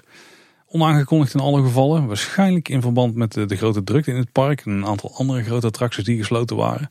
Dus blijkbaar is het toch een manier om uh, door of onder of slash langs die grote fotoprint te kunnen. Zodat je de attractie in kunt. Ja, ik zag op wat foto's dat ze wat flappen van die uh, fotoprint uh, provisorisch open kunnen maken. Alsof je als het ware het, het doek van je tent openritst. Ik zag wel dat ze wat moeite hadden gestoken in tijdelijke bordjes met ingang en uitgang in de vrije klassieke Vogelrok layout. En het lijkt erop dat ze deze week begonnen zijn met het eh, timmeren van houten tunnels door die stijgerconstructie heen. Wat ook bevestigt uh, dat die stijger rondom de vogel zelf waarschijnlijk langer blijft staan dan dat de attractie gesloten is. Dus we moeten straks gewoon continu via houten tunnels door die stijger heen. Nou, het was tijdens die ritjes die je kon maken, tijdens die surprise openingen, wel duidelijk dat de ervaring van de rit niet de beste was die je zou kunnen hebben. Er waren geen geluids- en lichteffecten tijdens de rit. Er was ook geen muziek in de wachtrij of in de opstaphal. En ook geen gordijntjes in de opstaphal. En er was slechts één trein beschikbaar. Wat uh, leidde tot uh, lange wachtrijen. Ik vermoed trouwens wel trein 2. Want die andere twee treinen krijgen nu uh, onderhoud hè? En we gaan ervan uit dat die ook worden geüpgrade met die nieuwe geluidseffecten. Tenminste met het nieuwe geluidssysteem. De vraag is alleen welke muziek gaat hij laten horen in de opstaphal? Nee, daar lijkt toch gewoon wel oude Ruud Bos te blijven. Ja, nou, maandag 16 oktober ging het onderhoud in ieder geval weer verder. En het staat nu gepland tot en met 27 oktober. Uh, wat we ook nog zagen op wat foto's die dus gemaakt konden worden doordat de vogelrok uh, tijdelijk open was. Is dat in ieder geval de poten van de vogel en de rotsblokken waar ze op staan, dat die uh, volledig opnieuw in de lak zijn gezet. En dan afgaande op het feit dat er dus zo'n enorme stijger om de vogel heen staat, krijgt waarschijnlijk de rest van de vogel ook datzelfde schilderonderhoud. In ieder geval gedeeltelijk op de slechte plekken. Verder eh, krijgt de waterval in de binnentuin onderhoud. Dat is natuurlijk ook altijd zo'n algebak. Dus wie weet dat ze hier ook wel een uh, nieuw systeem aanbrengen waardoor dat het water uh, helder blijft. En de verlichting op het ei in de wachtrij is vernieuwd. Die is nu veel donkerder blauw. Dus wie weet dat ze tijdens deze onderhoudsbeurt ook wel alle verlichting in de attractie ombouwen naar LED. Hm, als dat zo was geweest, hadden we daar. Hebben we überhaupt hier een artikel over gezien? Het is er best wel wat noemenswaardige dingen waarschijnlijk. En dat krijg je dan als je is opgeleverd mogelijk. En verder eh, is het eh, rieten dak van het, eh, het achtbaangebouw is volledig vernieuwd. Die werkzaamheden zijn zo goed als klaar. En ik zag vandaag dat ze op de Oude Horst weer die bekroning van het rieten dak in elkaar aan het zetten waren. Dat is dat, eigenlijk die zinken piek. En die staat inmiddels klaar om weer ingehezen te worden op het rieten dak. En nog wel kleinere updates uit deze hoek van het park. Bij Carnaval Festival daar heeft de Chinese draak eindelijk weer zijn onderkaak terug. Dus die is weer terug van de tandarts hoeven dus niet te wachten tot eh, de onderhoudsbeurt in december. Nee, dat scheelt. En een neltje en een teltje is weer terug. Schilderwerk eh, ziet er weer eh, prima uit nu. Dus nu is het tijd om de andere gijs op te knappen. Want volgens mij wordt daar nu aan gewerkt. Hè? Aan Geeuwende gijs, tweelinggijs en babygijs. Ja, alle gijzen krijgen ons de beurt een likje verf. En dan wat minder nieuws uit Marenrijk. Want Droomvlucht die is sinds vrijdag 6 oktober gesloten. Er was een technische storing daar. Door het technisch probleem met het ritssysteem gleed één gondel terug in de baan. En daardoor raakte die een ander voertuig ging om een, een lichte botsing, verder geen uh, gewonden of zo bijgevallen. Op zaterdag 14 oktober ging de attractie weer heel even open, van half zes tot half acht. En daarna gingen we dicht om uh, daarna niet meer te openen, tenminste niet tot het moment van opname. De Efteling die zegt dat het nog niet bekend is waar nu precies het probleem zit. En het is ook onduidelijk wanneer de attractie weer open kan. Ja, lijkt toch wel een, een serieus probleem. Afgaande op het aantal dagen dat die inmiddels al, al dicht is. Ja, wat dat betreft is het gissen denk ik wat er aan de hand is. Als ik dan lees dat er een gondel is teruggegleden in de baan. Ja, waar zou dat in kunnen zitten? Misschien dat de motor niet sterk genoeg was. Te weinig weerstand tussen de wielen en de baan. Misschien was de gondel te zwaar beladen. Het zal dan waarschijnlijk zijn op die helling vanuit het station Kastelenrijk in. Of vanuit de Hemelburg de Sompenwoud in. Nou, dat zijn wel veruit de stelste plekken, ja. Ik hoop trouwens wel dat nu de attractie wat langer dicht is. Dat ze nu dan die uh, planeten terughangen in de Hemelburg te scène. Nee, nou, nou zegt die uh, projectie die heb ik ook wel weer gezien in volgens mij de week of zo voordat die dicht ging. Maar ja, als je dan toch inderdaad wat meer werk daar gaat uitvoeren, dan is dat wel het moment om ze weer naar binnen te takelen. Alhoewel met een goede avond doorhalen kom je er ook wel, denk ik. Nou ja, ze moeten op locatie in elkaar weer worden geklikt. Oh, ja, dat was het ja. Ze past uh, niet meer in één keer naar binnen. Dat was het punt. Als ze maar zo'n grote deur erin moeten maken. Net als bij Dans Macabre. Bam. Of bij de Vliegende Hollander. Oh ja, daar zit hij ook ja. Maar die hebben ze daar ook naar de rand erin gemaakt. Ja. Dus de kans voor het droomvlucht is niet verkeken. Nee. Hey, ook Villa Volta heeft uh, onderhoud gehad. Uh, precies één werkweek. Uh, nou, wat is daar gebeurd? het inschaduwwerk van de villa is eindelijk afgerond. Verder werkte in de hoofdshow eindelijk weer het bliksemeffect achter de tuindeuren. Zo'n leuk detail wat het nu eindelijk weer doet na vele jaren van storing. Maar ja, de belangrijkste wijziging is toch wel dat de omroepen aan het einde van de tweede pre-show en het begin van de hoofdshow zijn vervangen. En dat betekent volgens mij voor jou, Paul, een puntje voor de glazen bol. Nou, daar twijfel ik ten zeerste aan, want volgens oh. mij hebben we die, die aflevering zo ingekleed dat dit te weinig is. Ah, oké. Want wat er dus is gebeurd is dat er een, een heldere, duidelijkere vrouwstem is uh, gebruikt voor, uh, eigenlijk voor een aantal huishoudelijke mededelingen. De dienstmededelingen, hè? Ja, maar eigenlijk de dingen die, de moedjes, zeg maar, in het verhaal. Niet de sfeerscheppende zaken. Ook in goed Engels trouwens. Wat dus wel opvalt is dat op beide plekken waar nu die uh, nieuwe stem is toegepast er echt enorm veel galm te horen lijkt te zijn. Of dat er nou is door de ruimte, dat lijkt me het is in beide gevallen opvallend. Of dat het er overheen is gezet, lijkt me te veel van het goede. En wat er dus vervangen is, is de, de bekende tekst in de tweede voorshow, Tim. Dames en heren, let u op. De deuren openen in uw richting. Die, dat die nu wat versimpeld is naar uh, opgepast. De deuren openen in jouw richting. Dus geen dames en heren meer en ook geen uw. Nee, moet ik zeggen dat ik het uh, toejuich dat ze hier uh, dames en heren hebben geschrapt. Hè. Op deze manier voelt iedereen zich aangesproken. maar jouw richting, ik denk dan altijd, we hebben toch niet samen geknikkerd? Dat weet je niet. Wie heeft, die de, wie heeft de stem verzorgd, Tim? Ik heb geen idee. Misschien hebben jullie wel samen op schoolplein nog geknikkerd. Ja, dat wel. Ik zie jou niet echt aan voor een knikkeraar. Nee, niet echt. Goeie inschatting. Wat er toch tegen.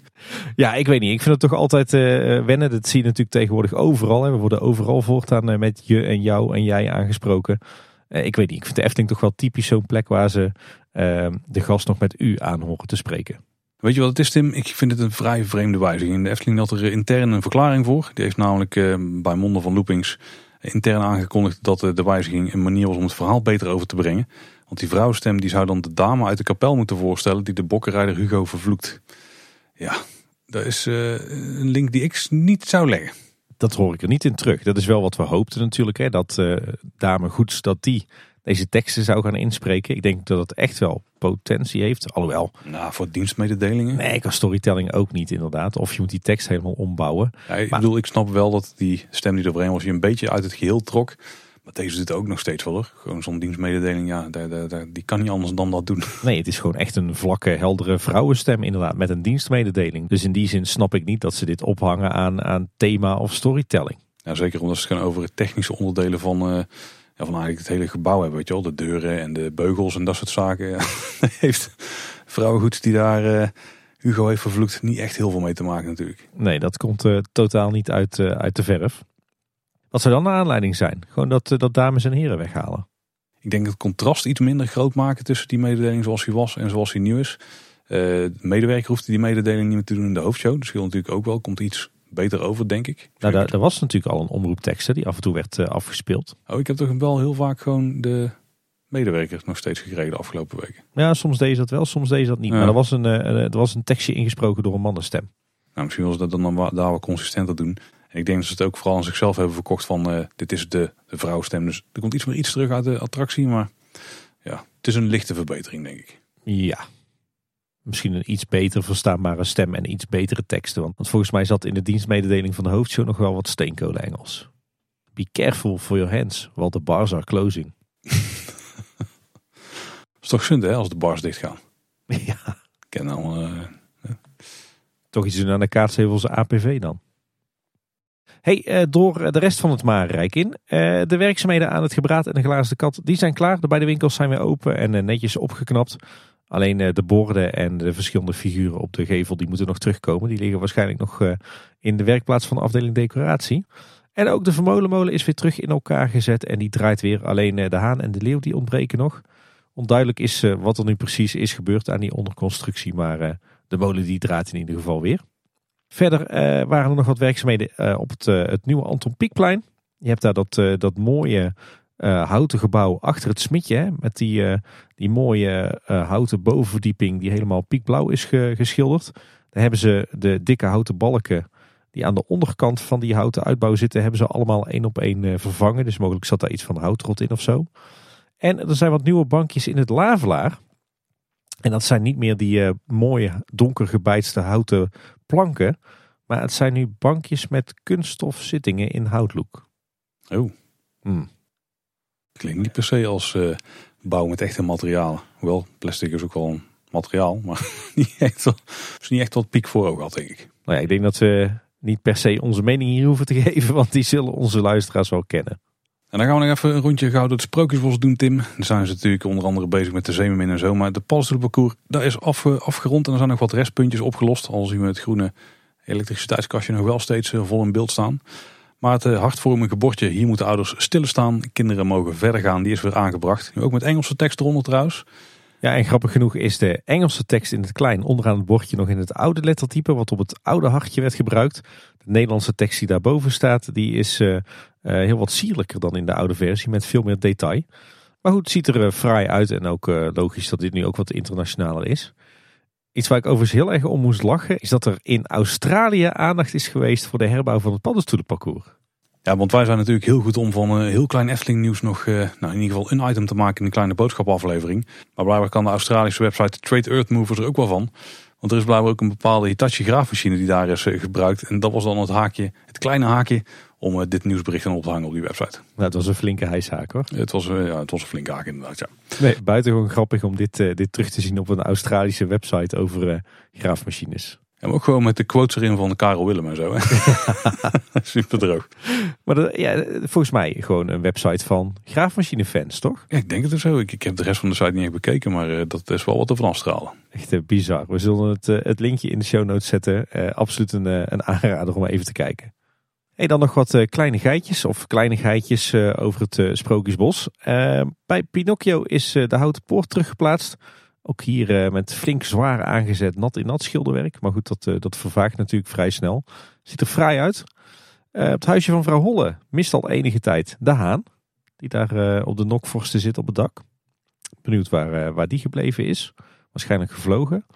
En er is een heel mooi vormgegeven bordje met daarop de tekst verboden toegang. Verschenen op de nieuwe dienstbord naast de Assenpoester. Dat ziet er echt buitengewoon pieks uit.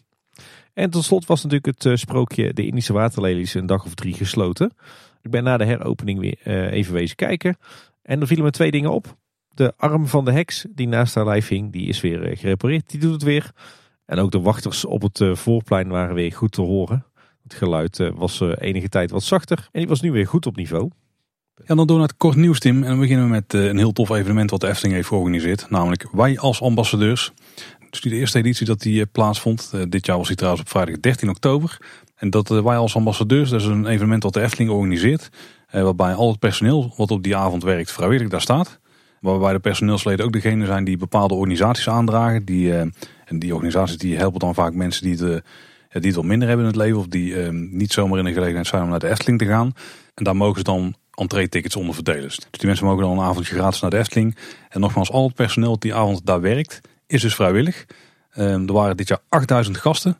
Wat je dus ook ziet is dat er een hoop eh, kantoorpersoneel en de directie zelf ook meewerkt in het park die avond. Dus dat was heel eh, tof om te zien. En dat eh, weet ik Tim, want ik mocht er ook bij zijn dit keer. Bof komt. Ja, mijn nichtje die was uitgenodigd en die mocht een aantal mensen meenemen. Dus ik ben met mijn nichtje en neven het park ingegaan een avondje daar. En dat was, dat was echt enorm tof. Ook heel leuk om het eens een keer van dichtbij te zien.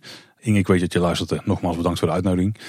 Er waren 8000 gasten en dus een hoop personeel. En dat kon je ook wel merken, want heel veel plekken waren meermaals bezet, zeg maar. Ik stond volgens mij bij Kogeloog. Er waren drie of vier mensen aan het werk. dat is een vrij drukke bezetting voor een puntje wat vaak ook met één of twee man eh, bezet wordt. En dat was eigenlijk bij alle horecolocaties en ook bij attracties zo. Ik weet niet 100% zeker, Tim, maar volgens mij ben ik door Daan van Baarsen geholpen, de, de financieel directeur, bij Bron 1898. Dus dat is al heel cool dat daar staat. Volgens mij stond Fons op de stoomtrein. Uh, ik heb ook bij het uitlopen van het park heb ik ook uh, de voor ons bekende hoofd van, uh, van de communicatieafdeling gezien bijvoorbeeld. En ook Nicole Scheffers die stond daar bij de uitgang. En nogmaals, de avond was dus heel goed geregeld. Mensen konden vanaf 7 het park in. De meeste waren al eerder. Er was een kleine disco ingericht in het Huis van de Vijf Zintuigen. Waardoor er wel vermaak was rondom die, die ja, het, eigenlijk het moment dat je daar al onder het Huis van de Vijf Zintuigen stond, maar nog niet naar binnen mocht. Het was ook best wel niet zo'n heel goed weer die avond. Dus daar hielp ook altijd mensen naar wat te doen hadden. Maar vanaf 7 mocht je naar binnen. Iedereen had van tevoren al bonnen gekregen. Je kreeg namelijk uh, vijf eetbonnen per persoon en drie drinkbonnen per persoon. Oh, netjes. En een eetbon stond dan gelijk aan uh, één eetitem. Dus bijvoorbeeld een broodje Unox of uh, een snack of een frietje. Waarbij wij uiteindelijk volgens mij, ja, we hebben een hamburger van de Likkerbaard gehaald. Dus ook die zaten ertussen. Niet de duurste, want de menus waren op sommige punten wel een beetje aangepast. Want anders kon het wel heel gochtig worden op bepaalde punten. Maar ik denk, ik heb het niet gecheckt, maar ik denk dat bij de Brutale Aap een, uh, een broodje deuner ook erbij hoorde bijvoorbeeld. Dus best wel, uh, nou, die, die bonnen die representeerden best wel wat waarde zeg maar. Ja. En dus ook drie flesjes drinken. Nou, daar ben je sowieso al een eh, fortuin aan kwijt in de Estling uh, deze dagen. En overal trouwens ook. En wat heel tof was, iedereen die kreeg een digifotopas. Uh, gewoon gratis voor okay. heel de avond. En dus iedereen kreeg gewoon een kaartje met een code. En dan, dan had je een digifotopas tot je beschikking. En alle winkels Eigenlijk alle winkels waren open trouwens. En uh, daar kreeg je ook nog eens flinke korting op de merchandise. Ik weet niet meer, niet meer precies hoeveel, maar ik denk extra tussen 10 en 20 procent of zo. Ook nog wel aanzienlijk. Dus dat was uh, super tof. En bij het naar buiten lopen kreeg iedereen nog een, nog een klein presentje. Zodat het echt voor iedereen een feestje was. En ik had echt het idee dat iedereen die daar rondliep, dat hij zich echt als een, een vip door het park heen bewoog. Want het, het was niet super druk. Dus de wachttijden die vielen, op, die vielen in het algemeen wel mee. Iedereen die, die kon gewoon eten en drinken naar hartelust, zeg maar. Want die bonnen opkrijgen was nog best wel hadden we best wel moeite mee. uh, we hebben meer dan één uh, stroopwafel de man uh, kunnen halen uiteindelijk bij Kogeloog. Wel een wat diverser deel van het aanbod gecheckt, dus dat was goed. het enige wat ik dan zelf een klein nadeel vond, is die 4,5 uur om attracties te doen, dat die vrij krap is. Want om 11 uur ging het park officieel dicht. Mm -hmm. Maar om half 11 werden alle attracties al gesloten. En dan was er nog een aquanura natuurlijk om kwart voor 11 om de avond af te ronden met iedereen ja, je hebt ook nog wel die eetbonnen en die moeten ook gewoon op. Hè? Dus als je die tijd met het, van het eten nog meerekent, waar je toch gauw een uurtje anderhalf mee bezig bent, denk ik in het, in het totaal. Dan is die drie uur voor attracties is niet superveel. En wij zijn ook niet heel veel verder gekomen dan uh, eigenlijk alleen maar Fata Morgana en Rauwgrijk. Hoe was de sfeer? Ja, die, was, die was heel goed. Iedereen was super vrolijk. En uh, nogmaals, iedereen voelde zich denk ik echt als een, een VIP in het park op dat moment. Want dat was iedereen ook, echt. en het personeel was ook super vrolijk en opgewekt en uh, iedereen was wel in voor een praatje en zo. Dus uh, ja, de sfeer was echt, echt top. Het doet me bijna een beetje denken aan die eh, speciale avonden. Volgens mij bij Disney of bij Universal of allebei. Waar je tegen betaling van een enorm hoog bedrag ook een soort VIP-avond hebt. Waarin bijna niemand in het park rondloopt. En uh, al het eten en drinken gratis is en je flink wordt verwend. Moet ik zeggen dat dit wel een iets sympathieker evenement is dan daar. ja. ja, het grote verschil is inderdaad dat je er daar volgens mij enkele honderden dollars voor betaalt. En dit natuurlijk voor de mensen die uitgenodigd waren hartstikke gratis is. En dus nogmaals heel tof, de mensen van de Efteling staan er vrijwillig. Maar het zijn ook de mensen van de Efteling die dus bepalen welke instanties de mensen uit mogen nodigen die naar het park komen die avond. En die wisselwerking, eh, ik heb een paar mensen gesproken en ik had het idee dat die daar ook wel heel trots op waren. Ja, echt een eh, sociaal-maatschappelijk evenement eigenlijk. Hè? Ja, zeker. Heeft het uh, potentie als hardticket event? Voor andere doelgroep natuurlijk. Ja, nee, dat, nou, nou, nou, nou, in de basis nee. Want ik, want ik zo me af te vragen, was er dan bijzonder aan het evenement? Ja, dat was dan het ontvangst bij de entree en het naar buiten gaan. Want er stond bijna, er stond een grote van het personeel stond daar als een soort van inraag voor iedereen om, uh, om nog een keer afscheid te nemen. Er was wel veel extra entertainment. Maar ja, is daar voldoende voor een hard ticket event in de Efteling? Want dan in principe is het gewoon een avondopenstelling. Maar ja, meer het, het VIP-element. Dus weinig, relatief weinig bezoekers. Dus lage wachttijden, al het eten en drinken gratis. Ja, op die manier. Ja. ja, misschien wel. Ik zou niet weten dat het dan waard zou zijn in zo'n geval. Maar heeft wel wat potentie. Ik denk dat de openingstijden misschien net wat te krap daarvoor zijn om het echt de moeite te laten zijn. Ja, misschien ook wel. Ik weet het niet, Tim. Ik, ben, eh, ik, ik hink op twee gedachten, mag ik dat ook? Heel goed. Het is in ieder geval in, in de huidige vorm een heel sympathiek uh, maatschappelijk evenement, toch? Ja, zeker. mooie manier uh, van de Efteling om iets terug te doen. Ja, en Tim, weet je waar ik die bon ook aan uit had kunnen geven? Die eet- en drinkbon. Vooral die eetbon. Uh, schrobbel pannenkoek? Oeh, nee. Nee, nee, nee, nee, nee. Volgens mij, ik denk dat Polles Keuken gesloten was trouwens. Maar daar ben ik dus niet eens geweest in die hoek. Echt schandalig. Uh, nee, een, een, een, zak popcorn of een suikerspin bij de vliegenfluiter. Want die kun je daar voortaan kopen. Dat is nieuw, ja. Zou dit uh, even de tijdelijke oplossing zijn voor het feit dat er uh, geen silent vergat is en ook nog geen koetshuis waar je popcorn en suikerspin kan halen? Misschien hadden ze nog een zwik besteld en is die gewoon geleverd. En dachten ze, oh, hoe komen we hier nou vanaf? Toen dachten ze, nou, als je dan net uit je treintje komt rollen daar bij het kinderspoor, ideaal om even een zakje popcorn weg te knauwen. Ja. Zo'n aannemelijke verklaring heb je nog nooit gehoord volgens mij. Er was gewoon een popcorn verkooppunt tekort in het park. Ja, daar komt er wel neer. Goeie voor uh, galgje. Zo, in Nederland wel ja. Dan door naar de vacatures Tim. En een tijdje geleden toen eh, hadden wij het over uh, de parkeerfunctie die vrij kwam in de Eftelingen. Dat je daar op je gemak kon gaan parkeren. Volgens mij zag jij het wel als een droombaan. En hard werken. absoluut. Maar toen werd er in diezelfde vacature gerept over een parkeerchef. En toen vroegen we ons af van wat zou een parkeerchef bij de Efteling nou doen. We hebben er niet heel lang op hoeven wachten Tim. Want er staat nu ook een vacature. Parkeerchef open. Ja, en daarin lezen we als parkeerchef verzorg jij de dagelijkse aansturing van collega's op het parkeertrein van de entree. Jij kan aan de hand van prognose en ervaring uit het verleden een goede inschatting maken voor de inzet en verwerking van het parkeerterrein. Hm. Ja, dat is echt de, de parkeerchef. Eigenlijk, eh, nu ik zo lees, is het uh, vrij logisch. Als ik het goed begrijp, is dat degene die dus bepaalt welke parkeervelden open gaan. Ja. En waarschijnlijk ook wat de bezetting van het aantal parkeerwachters gaat zijn. Zo. Dat denk ik wel, ja. Hm. Ik denk dat ze het heden ten dagen operationeel manager parkeren zouden noemen of zo. Ja. Of operationeel manager gastenlogistiek. Het is ook wat treurig nieuws binnen de Efteling-organisatie. Want een graag geziene gast een kleine boodschap die gaat vertrekken bij de Efteling. Sven Olrey. Hij wil zich breder gaan oriënteren en verder ontwikkelen. Lezen op LinkedIn. En uh, nou, dat is wat ons betreft wel enorm gemist. Want Sven die was uh, heel fanatiek. Laten we daarop houden. Zijn functie komt daarmee ook vrij. Dat is de Manager Rooms Division. En ook daar hebben we een beschrijving van. Hè. Ja, inderdaad. De Manager Rooms Division, wat doet hij nou? Nou, die is verantwoordelijk voor de huidige en toekomstige accommodaties, faciliteiten en omgeving van de Business Unit Hotels en Resorts. En daarin zitten natuurlijk de hotels en de vakantieparken, maar ook de afdeling evenementen en het theater. Dus dat is een, een flinke.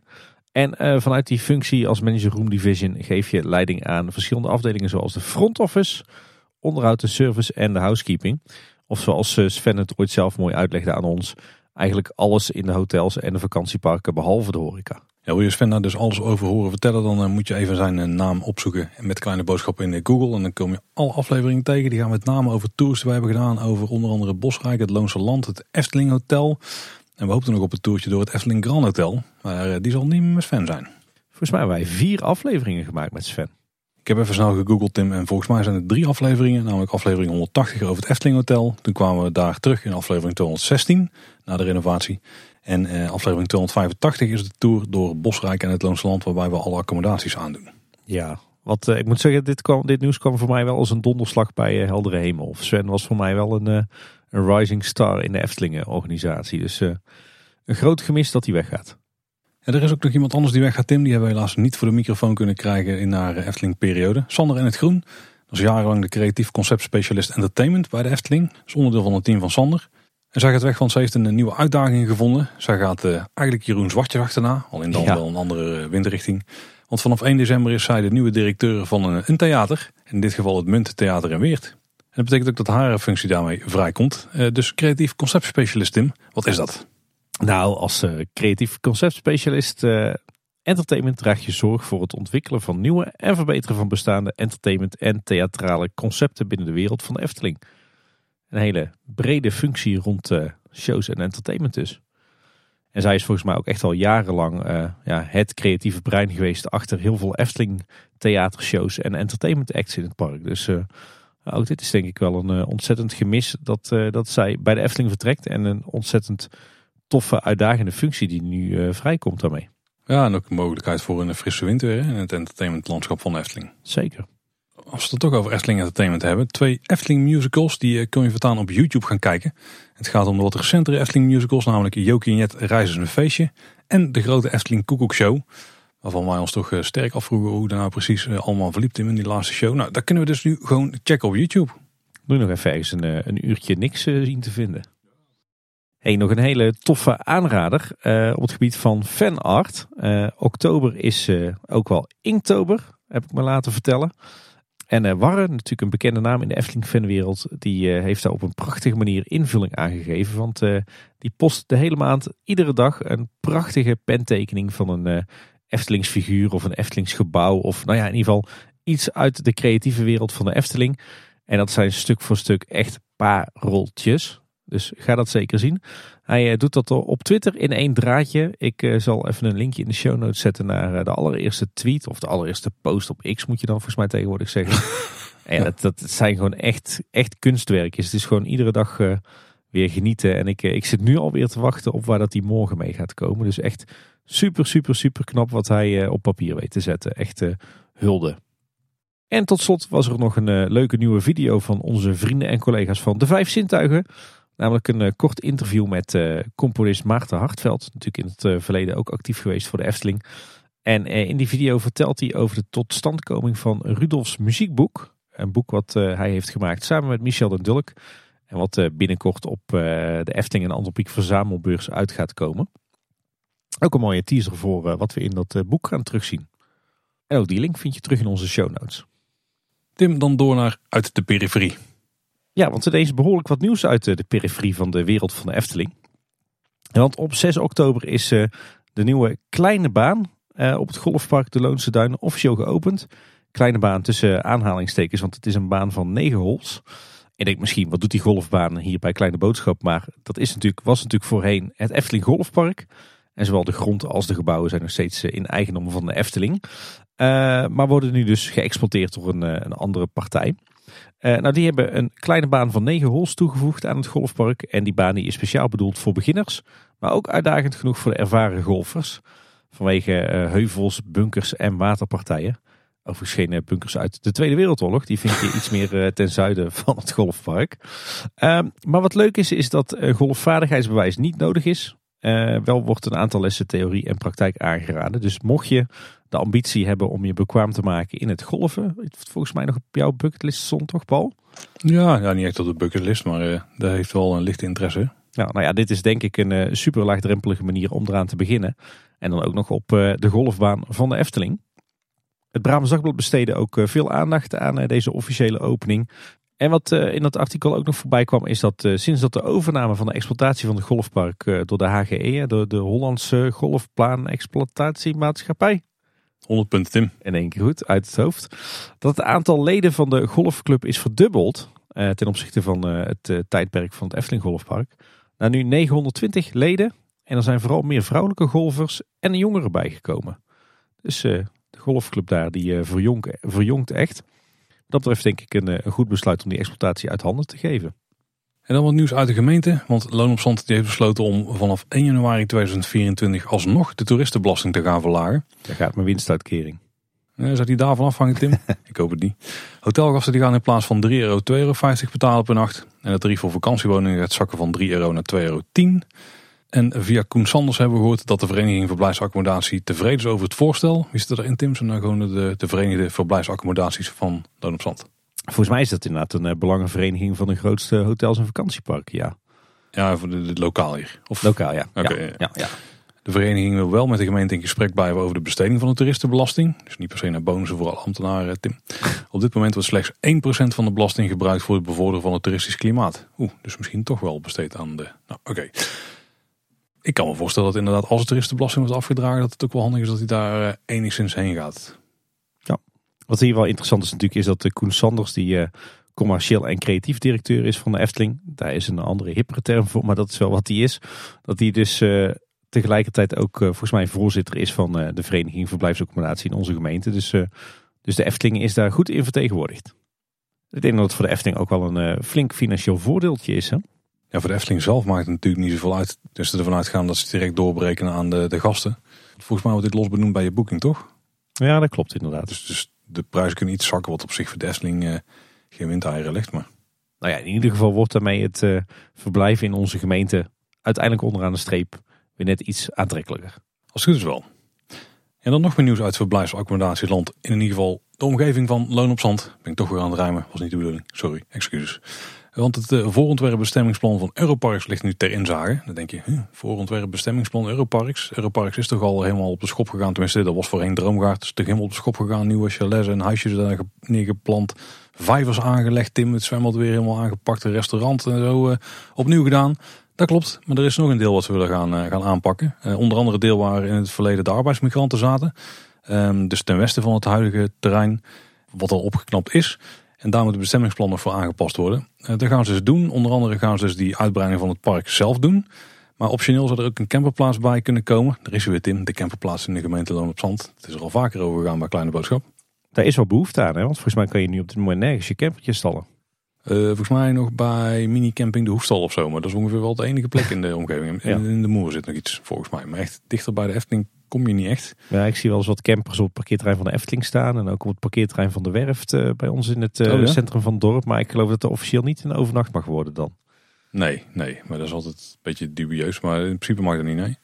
Die zou dus mogelijk dus in de, aan de westkant van uh, Europarks kunnen komen. Waarbij je, zeker als je fiets hebt, vrij gunstig zit ten opzichte van de Efteling. En er zou ook nog een openbaar parkeerterrein bij moeten komen.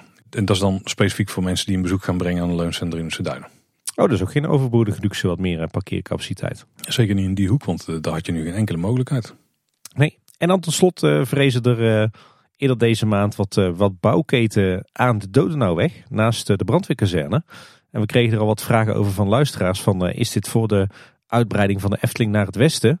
dat blijkt niet het geval. Dat is het bouwterrein voor de aanleg van een aantal nieuwe rotondes in de Europalaan. Niet in het eh, gedeelte van de Europalaan wat eh, de meeste van onze luisteraars eh, zullen kennen. Namelijk vanaf de snelweg naar de Efteling. Maar in het gedeelte van de Europalaan wat bij ons in het dorp ligt. Daar worden een aantal kruisingen omgevormd tot rotonde. En het, het bouwterrein met de bouwketen en dergelijke. Dat ligt op een stukje gemeentegrond aan de Donauweg. Maar heeft dus niks met de Efteling te maken. Ja Tim, en dan gaan we door naar en dan nog dit. En we hebben hier wat beloftes gedaan hè? Ja, want we zouden er denk ik bijna een aflevering van de buitenwereld uh, van kunnen maken. Want jij bent uh, de afgelopen twee weken exorbitant veel op pad geweest. Nou ja, en jij bent ook naar een uitje geweest waar ik alles over wil horen. Dus uh, dit wordt een interessante. Maar zal ik dan aftrappen? Ja, ik ben, ben heel erg benieuwd naar, naar wat jij de afgelopen week hebt uitgespookt. Het eerste relevant is dat ik naar Energielandia ben geweest. hey, het achtbanenpark in Polen. Nou ja, misschien wel het achtbanenpark in Europa. Uh, European Rollercoaster Capital. Ja, dat liggen volgens mij gewoon statistisch gezien uh, de meeste achtbanen bij elkaar in één park van heel Europa. Uh, en eerlijk gezegd, nu ik er ben geweest, liggen ook echt wel een aantal goede achtbanen bij. Dus daar is wel een, een plusje. En daarom stond het ook al best wel lang op een, dat is dan misschien wel een soort van bucketlist. Daar moest ik ooit een keer heen. Al regelmatig met een goede vriend over gehad van, het is toch vet om daar een keer achtbanen te gaan doen. Nou, we hadden al 240. Ik dacht dat is een goed excuus om dan dat maar eens te gaan doen. Dus ik ben uh, die kant op getrokken met mijn uh, goede vriend. En uh, we zijn er echt alleen maar heen gegaan om die achtbanen te doen. dus dat was echt de hoofdmoot. We hebben enorm veel attracties links en ook rechts laten liggen. Want die lagen echt overal daar bij elkaar gepropt. Er liggen bijna 120 attracties volgens mij bij elkaar daar. En dat is niet dat de bomen dan ook attracties zijn. Nee, het zijn allemaal van die ja, kleine kinderattracties en zo. van, die, van die kermisdingen die ze gewoon daar hebben neergepland. Nou, wat, wat, hebben jullie gedaan? Jullie hebben echt het, eh, vliegtuig gepakt, zijn naar het park gegaan, eh, door het park gelopen en het vliegtuig weer terug? Of? Nee, we hebben iets uitgebreider gedaan, zodat we ook echt de tijd hadden om het park door te gaan. We zijn erheen gevlogen, toen zijn we naar het, uh, naar het Western Camp Resort gegaan. Dat is het, uh, volgens mij van Energielandia zelf, het ja, resort wat daarbij ligt, of resortje. Ik zag daar wat satellietfoto's van, toen dacht ik echt, oh, moet dit nou toch zijn? Weet je wel, echt, echt van die op elkaar gepropte, ja, bijna blokken en zo, weet je wel. Maar bleek eigenlijk best wel sfeervol te zijn. Het enige wat daar niet sfeervol is, dat is een parkeerplaats die aan het begin ligt. Dan denk je echt van, waar ben ik nou weer terecht gekomen? Zodra je dan door de poort heen gaat, en trouwens het, het eh, receptiegebouw ziet er ook al uh, wel goed uit. Dan uh, kom je eigenlijk in een best wel aardig vormgegeven stukje resort. Met dan één deel, ja ik heb verschillende soort accommodaties. Je hebt daar, ja, de, de, de, volgens mij noemen ze het de sheriff's, sheriff's cabins of zo. Dan heb je nog gewoon van die typie tenten en je hebt nog van die woonwagens en zo, weet je wel, met echt alleen maar doeken. En wel allemaal trouwens met uh, airco en verwarming volgens mij. Dus het stond overal aangesloten, geen idee of dat werkte. Bij ons in de, de sheriff's cabin wel, waar wij in zaten. Uh, wat uh, een vrij comfortabele manier is om daar te verblijven. Eigenlijk is gewoon een, een grote open ruimte met wel nog een losse badkamer. Waar dan meerdere bedden in staan. En een tafeltje en stoelen waar je dan vooral kunt slapen. Zo. Ook een restaurant was ook best wel prima. Daar hadden we ook ontbijt. En uiteindelijk kun je of met een treintje richting Energielandia. Dus 1, nog wat kilometer, 1,2 volgens mij. Uh, of je kan gewoon te voet die kant op lopen. Een beetje ja, over een half industrieterrein. Want de ligging van Energielandia is wel bijzonder. Het ligt uh, in de buurt van Krakau. Maar daar hebben we uh, het vliegtuig naartoe gepakt. En dan is het nog steeds met taxi ja, 40 minuten, drie kwartier of zo voordat je er bent. En dan, kom je eigenlijk gewoon aan ja, middel, in de middle of nowhere. Gewoon allemaal dorpjes ga je door. Het, Poolse platteland zie je best prima daar. Ik denk dat dit tot een jaar of 15 geleden alleen maar weilanden waren. Waar nu een industrieterrein rondomheen is. Uh, tenminste, Energielandia ligt daar. Dan heb je daar een industrieterrein rondomheen liggen. Waar ook af en toe nog wel huizen verdwaald tussen staan. Zeg maar, uh, uh, daar heb je vast een mooie term voor Tim. de bestemming eigenlijk van de gebieden die zijn niet heel strikt ingeregeld denk ik daar. Gemengd. Ja, die zijn, ja dat is een goede, een goede van hoe het daar eruit ziet. En je hebt dus een industrieterrein met aan de ene kant camperresort en aan de andere kant Energielandia. En dan daaromheen liggen ook een, en daardoorheen liggen ook een hoop uh, woningen. Maar wij zijn uiteindelijk wel te voet gegaan. Eigenlijk alle keren, want die trein die kwam net niet op het juiste moment uh, wat ons betreft. Of het treintje. Um, maar de camperresort dat beviel in ieder geval heel goed. Daar zijn we dus twee nachten geweest, waarbij we precies tussen de twee nachten naar het park toe konden. En de reistijden daar rondomheen waren vrij gunstig. Um, dus twee nachten daar. Ik moet zeggen, ik was blij verrast door de camperresort. Nogmaals, zag er allemaal goed uit enige nadelen die had, dus, dus ja, die ontzettend lelijke parkeerplaats die je echt wel eh, uit, het, eh, uit de sfeer had. Dat zal vast praktisch zijn als je er met de auto heen gaat, maar je snapt wel dat dat voor ons niet echt eh, de bedoeling was nu. en het ligt langs een vrij drukke weg, waar ook de auto's vrij uitrijden. We hadden dan zo'n zo'n sheriff's cabin op de eerste verdieping. Want het was niet echt een cabin, het is meer een appartementencomplexje van hout of zo zeg maar, met twee bouwlagen. En dan hoor je die weg best goed, ook s'nachts. Uh, staat je wel een beetje uit de sfeer en ook rondom het park. Zo steken op allerlei plekken van die lelijke Oostblok uh, appartementcomplex omhoog, zeg maar. Uh, in uh, niet echt onopvallende kleuren, laten we daarop houden.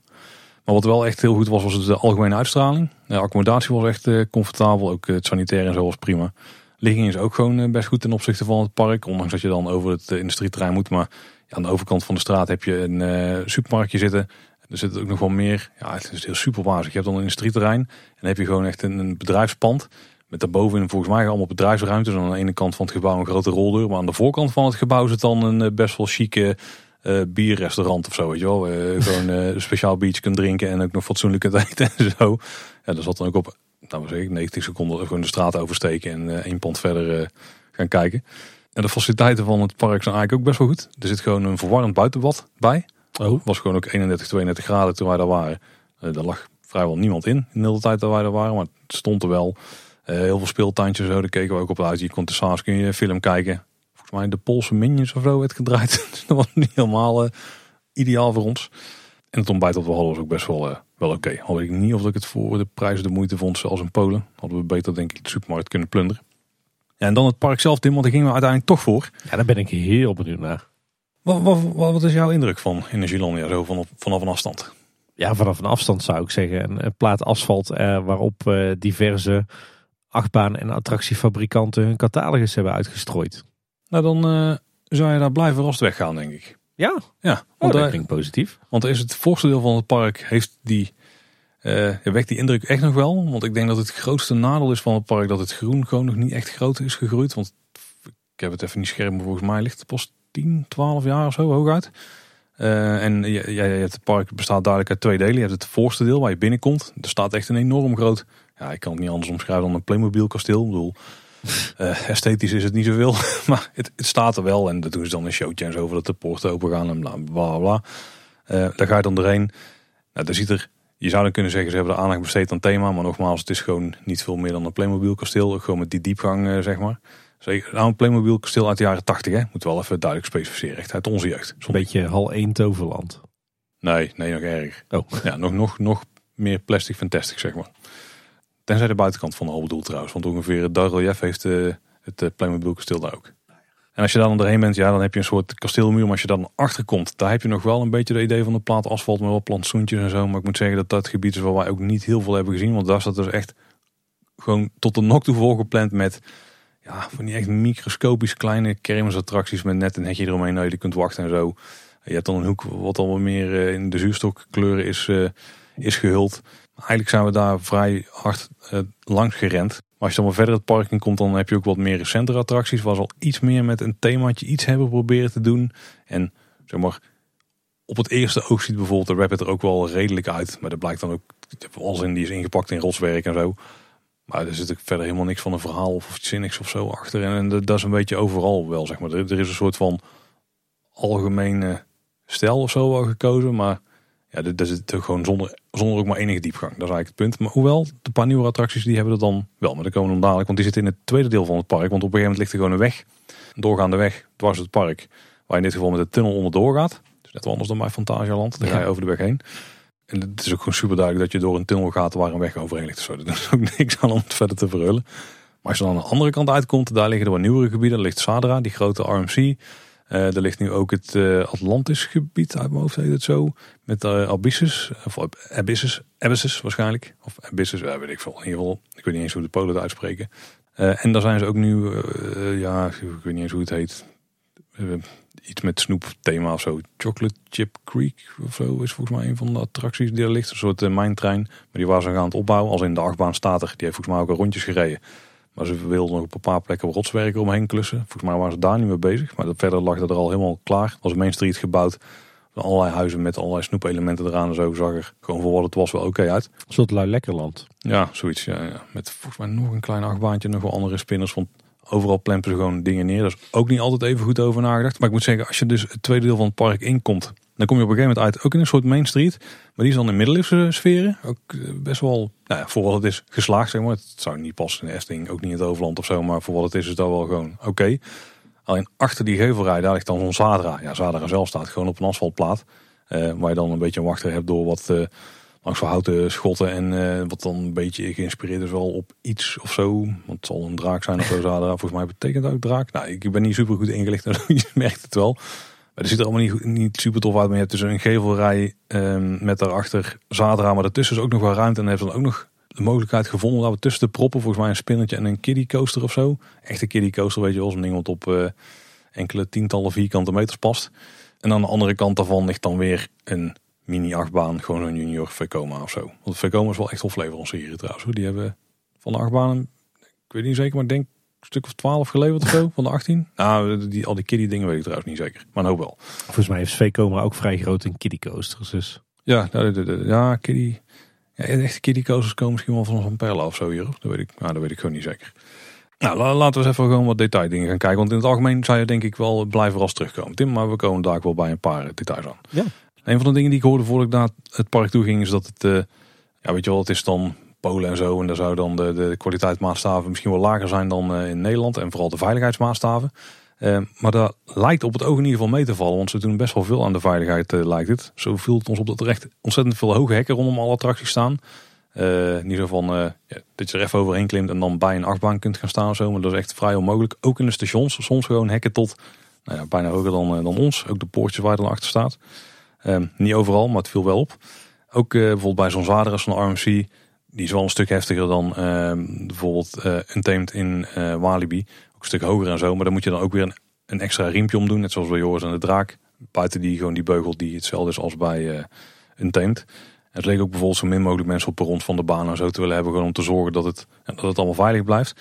maar het grootste voorbeeld ervan is nog denk ik wel het klasjesysteem. Want het is echt gewoon niet de bedoeling dat je dingen meeneemt in achtbanen. Ook geen telefoons of wat dan ook.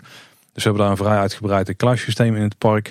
Waarbij bij iedere attractie vaak in de wachtrij een kluisje aanwezig is. Eén ehm, keer moet je dan daar een uh, polsband verkopen. Hadden wij gewoon eentje gescoord. Ik weet niet eens wat het kost, volgens mij 3 euro of zo. En dan kun je de hele dag gewoon overal kluisjes open en dicht maken. Maar ze hebben er vrij goed over nagedacht. Want uh, die kluisjes hebben allemaal aan twee kanten een opening. Dus als je de, ja, zeg maar in de wachtrij staat dan heb je gewoon een moment, meestal een minuut of vijf tot tien voor het station. Dan kun je een klasje open bliepen. Gooi al je zooi erin. Bliepen de dingen weer dicht. Nou, dan wacht je gewoon uh, de laatste paar minuten. Stap je het achtbaankarretje in. En als je dan weer uitkomt, dan kun je aan de andere kant van die wand. Kun je dus ook de dingen weer scannen. Dan gaat hij aan die kant open. Haal je spullen eruit. En dan kun je door. Nou, dat werkt echt super goed. Er waren ook vrij behendig in geworden na de tweede, derde keer of zo. Uh, en op sommige plekken in het park staan die kluisjes ook gewoon in het park zelf. En die kun je dan ook gewoon claimen voor een langere tijd. Dus dan kun je steeds kiezen als je hem opent van opium nu en geef je dan vrij of opium nu en wil je hem blijven gebruiken, zeg maar. Dit is volgens mij identiek het systeem wat ook bij eh, Fly staat in Fantasieland. Ja, maar dan krijg je, ja, maar dan krijg je een bandje mee wat je in de attractie meeneemt en daarna ook weer moet inleveren. Bij Ja. Fly is het allemaal wel een stuk complexer gemaakt dan dat het hier is hoor. Maar het aan twee kanten open is wel hetzelfde inderdaad. Ja. Ja, en op sommige plekken eh, gooien ze nog een tandje bovenop. Want je hebt ook Hyperion. Dat is de hoogste en snelste achtbaan die ze er hebben. Dan moet je gewoon echt door een metaaldetector heen voordat je in de attractie kunt gaan zitten. Dus ook daar, ze lijken op heel veel plekken risico's te willen uitsluiten. Dat er iets gebeurt met bezoekers waar ze dan een hoop gedoe mee krijgen. Ik weet niet hoe de cultuur daar rondomheen is in de Polen. Maar misschien hebben die overgenomen uit de Verenigde Staten of zo. Die indruk kreeg je op punten wel. Eh, ja, en dan het, het punt wat misschien wel het allermeeste opviel. eh, en eh, waar we voor gewaarschuwd waren en wat alsnog tegenviel. Die wachtrij, jongen. Die zijn lang. Ja? Dat gaat echt helemaal nergens over. We Op een gegeven moment hebben we gemeten, eh, gewoon in tijd. Want we, we, zijn, eh, we stapten flink door. Wel, aan het eind van de dag hadden we 22 kilometer gelopen. En dat komt zeker door al die wachtrijen. Maar, maar jij zegt lang, bedoel je daarmee zeg maar de, de, de, de ruimte die er is in die wachtrij of ook daadwerkelijk het aantal mensen wat er staat te wachten? Nee, oh sorry, dat is wel goed om eh, even te duiden. Ja. De wachttijden waren kort, maar de wachtrijen waren lang. Ook al stond er maar 10 minuten wachtrij bij. Je moest gewoon in bijna alle gevallen de volledige wachtrij doorlopen. Soms zagen we wel nog een slinger die je nog had kunnen doen. Die ze dan nu niet open hadden gezet, zeg maar. We hebben gemeten bij Zadra, van, want die, ging, die hadden we gedaan. Toen wilden we het nog een keer doen. Toen zijn we vanuit de uitgang van de wachtrij naar de entree van de wachtrij. En de hele wachtrij weer doorlopen totdat we stil stonden. Wat denk ik nog een minuut of vijf tot tien wachten was voordat we ook mochten instappen. Daar hebben we negen minuten opgelopen. Met een redelijk goed tempo. Dus in de wachtrij zelf was daar zeker zeven minuten van of zo. Dan ben je gewoon flink aan het doorstappen. Hè? Dus gewoon 800 meter wachtrij of zo wat je doorgaat. Een beetje, een beetje vogelrok anno 1998 zeg maar. Nog veel langer. Nee, echt nog veel langer. Echt gewoon 20 keer Joris en de Draak of zo. Gewoon zonder overdrijven. Dat is echt gewoon de wachtrijlengte van sommige attracties. Bizar. Hyperion had dat dus ook, maar die heeft dan een soort eh, betonnen bunker eh, gebouwd waarbij je echt volgens mij vier of vijf verdiepingen omhoog moet lopen in een continue slinger. Nou, dan ben je dus bovenaan. Dan moet je een soort brug oversteken en dan moet je een metalen constructie ook weer helemaal naar beneden lopen. Het slaat Ja. echt helemaal nergens op. En dat was bij heel veel wachtrijen zo. Abyssus had ook echt een wachtrij van niet tot kinderen. Daar ging ook nergens over. Maar ja, los van de taalbarrière hoefden we ook niet echt te hebben. Want de menselijke interactie die ze het liefst, lijkt het. Want eh, bijna al die achtbanen, die hebben ook geautomatiseerde pre-seat technologie. Laat het zo noemen. Ja. Dus je hebt bij veel banen heb je ja, vier, drie tot vijf poortjes. Daar hangen grote tv-schermen boven. En eens in de zoveel tijd komt daar in één keer een nummer op te staan. En dat is dan het aantal mensen waardoor het poortje mag wat eronder staat. En iedere keer als er iemand erheen loopt, dan gaat dat getal dat loopt natuurlijk af totdat hij op nul staat. Eh, in de praktijk werkt het stiekem best goed. Want eh, mensen die zijn vrij behulpzaam. Dus stel je staat met een groepje of zo met z'n vieren te wachten. Maar er zijn nog maar twee plekken over. Dan wordt er gewoon actief geroepen van... eh, hey, twee mensen die kunnen naar voren komen. Waardoor wij ook een paar keer dus wat sneller in een attractie zaten dan we eigenlijk hadden verwacht. Ehm, dat, wijst zichzelf eigenlijk best wel duidelijk. Maar de mensen die gaan er ook best goed mee om. Maar het scheelt natuurlijk weer wat pre-seaters. Eh, en, het is wel zo dat als je uiteindelijk dus in je groepje voor vaak nog een schuiter staat die nog open gaat. Voordat je dan daadwerkelijk eh, aan je poortje kunt aansluiten. Want nogmaals zo min mogelijk mensen in het station. Heb je daar nog wel steeds de kans om ja, een paar rijen vooruit of achteruit in de baan te gaan zitten. Zeg maar. Vaak je echt een, een, een losse, los poortje voor rij 1. Dus er konden vaak met twee man erheen. Of bij eh, Hyperion dan vier. En dan rij 2 en 3 en dan vaak de rest was gewoon één grote hoop of zo. Dus achteraan blijkbaar geen interessante plek volgens de Polen. Z- Zie je op meer plekken hoor. Volgens mij ook in eh, de Duitse parken. Ook vaak een eh, aparte rij voor rij 1. En de rest is allemaal eh, hetzelfde. Ja, maar vaak, je hebt ook wel achtbanen waarbij achterin ook echt een eigen, in ieder geval een verlengd stukje wachtrij heeft of zo. Nou, en dan moeten we denk ik even gaan kijken naar de individuele attracties, Tim. Want Alle 120. nee, die hebben we niet allemaal gedaan. We hebben het echt gehouden bij acht banen. We hebben ze ook echt niet allemaal afgetikt. Ik, volgens mij eind van de rit hebben we misschien negen of misschien tien gedaan. Nou, ik denk niet eens dat we dat halen. Maar bij sommigen ook een beetje scheef gecategoriseerd waren misschien. Dat was echt een duidelijke top drie. Misschien vier voor ons. En het is in ieder geval wel een park wat zijn best om eh, redelijk wat indrukwekkende statistieken te hebben voor een hoop attracties. Eh Zadra is dus zo'n RMC, dus in dit geval volledig eh, vanaf grond af aan gebouwd. Dus met een grotendeels houten onderkant. Er zitten best wel metalen onderdelen in de constructie nog om wat grote openingen in de constructie te houden. En die is 62,8 meter hoog. Is volgens mij de hoogst ge- gedeelde hoogste RMC ter wereld. En die gaat 121 km per uur. Dat is net niet de snelste RMC ter wereld. Want eh, je hebt er nog eentje die heeft een eh, vergelijkbare drop. Maar die is net iets steiler. Dat scheelt 2, 3 procent of zo. Deze is bijna 90 graden. Ja, dus eh, echt wel een gruwelijk ding. Ik hou wel van dit soort banen met een heel onvoorspelbaar ritverloop. Met elementen die je niet vaak meemaakt. En dit was wat mij betreft ook echt wel de tofste baan die ze daar hadden. Hoe, hoe verhoudt het zich tot Untamed? Nou, Untamed is ook wel vet, maar dan op zijn eigen manier. Eh, dit is wel gewoon anders. Het gaat veel, veel harder en eh racht nog veel harder door. En die duwt je echt gewoon tot het allerlaatste moment gewoon door die baan heen. en de laatste moment is trouwens niet heel comfortabel, want dat ding dus schiet in de rem aan het eind van de rit. Daar gaat helemaal nergens over. En je zit dan dus vast met je, je benen zitten in een standaard in een hoek, omdat je zo'n ook van die scheenklem hebt, zeg maar. en ik hing denk ik in een hoek van, was dat dan op dat moment? Nou, bijna 180 graden gewoon in die beugel met mijn armen naar voren eruit, zeg maar. Dat was niet zo heel handig. Dus de tweede en derde rit had ik al een techniek ontdekt. Waarbij ik mijn elleboog een beetje achter de beugel klemde, dat ik niet helemaal naar voren schoot. Die werkte goed. Uh, en ze douwen je daar ook heel graag heel strak in de beugels. Wat niet per se altijd heel comfortabel is. Maar ondanks dat, die baan is echt super vet. Ik vind hem vetter dan Intamed. Uh, maar Intamed blijft wel een, hele vette baan. Maar dit gaat wel net een paar tandjes verder. Tweede van het lijstje was Hyperion. Dat is de baan die helemaal vooraan in het park staat. Voor een grote op de originele parkeerplaats. Dat is een beetje hun recordpakker. 77 meter hoog. Uh, gaat 82 meter naar beneden met de daling. Want je dan daar een tunnel in gaat voor een deel ook. En die gaat 142 km per uur. 142? Uh, ja. Allemachtig. Heeft uh, ja, één inversietje. Zo'n dive loop. Dus je draait net om voordat je naar beneden duikt. Waardoor je net een heel klein stukje ondersteboven hangt. Een intermin trouwens. En ja, het is gewoon een heel vet ding. Ook met voor zo'n achtbaan zeg maar. Wat toch een soort van hypercoaster is. Een paar verrassende elementen. Dat zie je gewoon je gaat een heuvel op, maar dan is gewoon in één keer 90 graden naar de buitenkant. Gewoon terwijl je rechtdoor gaat en dan weer terug. Weet je wel? En, en het werkt wel allemaal. Ja. Trouwens, die drop is ook heel vet. Hang je gewoon los in de beugels. Gewoon in dit moment dat je naar beneden valt. Zonder dat ze je vasthouden zoals bij de bron natuurlijk. Ja, dan een, lichte verrassing. Ik had er wel al wat dingen van gezien. Maar dat is die uh, Abyssus. En dit is misschien wel een baantje, Tim. Daar zou ook best wel iets voor de Efteling kunnen zijn. Wat, wat is het? Het is een uh, Vekoma multi-launch coaster. En uh, die is qua thema is hij op zich wel redelijk ingekleed. Overigens had Hyperion als zo'n ruimtevaartthema met een beetje met schermen en zo. Het is een beetje daar enigszins vermaakt in de wachtrij. Was verder veel beton en staal. Niet uh, Zeppelin, Jules Verne, dat idee? Nee, absoluut niet. Nee, daar hadden ze nog nooit van gehoord, denk ik, in die hoek van, uh, van Europa. Hierbij hebben ze geprobeerd om een beetje een Atlantis thema aan te hangen. Dus deels geslaagd, want ze hebben gewoon wat mooi gethematiseerde. Nou ja, we hebben het nog wel redelijk goed. Hier is trouwens wel een beetje Jules Verne, besef ik me nu. Oké. Okay. Qua kleurstelling uh, beetje, doet het wel een beetje Discoveryland achtergaan. Als je een beetje het rood uit Discoveryland weghaalt, dan hou je dit over. Zeg maar. Dus eh, heel veel die, die blauw, groen, geel tinten. Maar dan met uh, wat, wat afbrokkelende stenen muren en zo uh, qua decoratie. En wat watervallen her en der. Alleen uiteindelijk is het nog steeds gewoon een achtbaan die op betonnen voeten staat. Tussen wel waterbakken, zeg maar. Dus ze doen hun best, maar ze verhullen het niet echt. Maar als ze die stappen doorzetten, dan wordt het uiteindelijk nog wel. Maar het is een multilaunch die vrij tam begint. Je wordt gewoon vanuit het station weggereden, stilgezet, word je gelanceerd. Doe je nou, op een vrij kleine oppervlakte wat bochtjes en zo.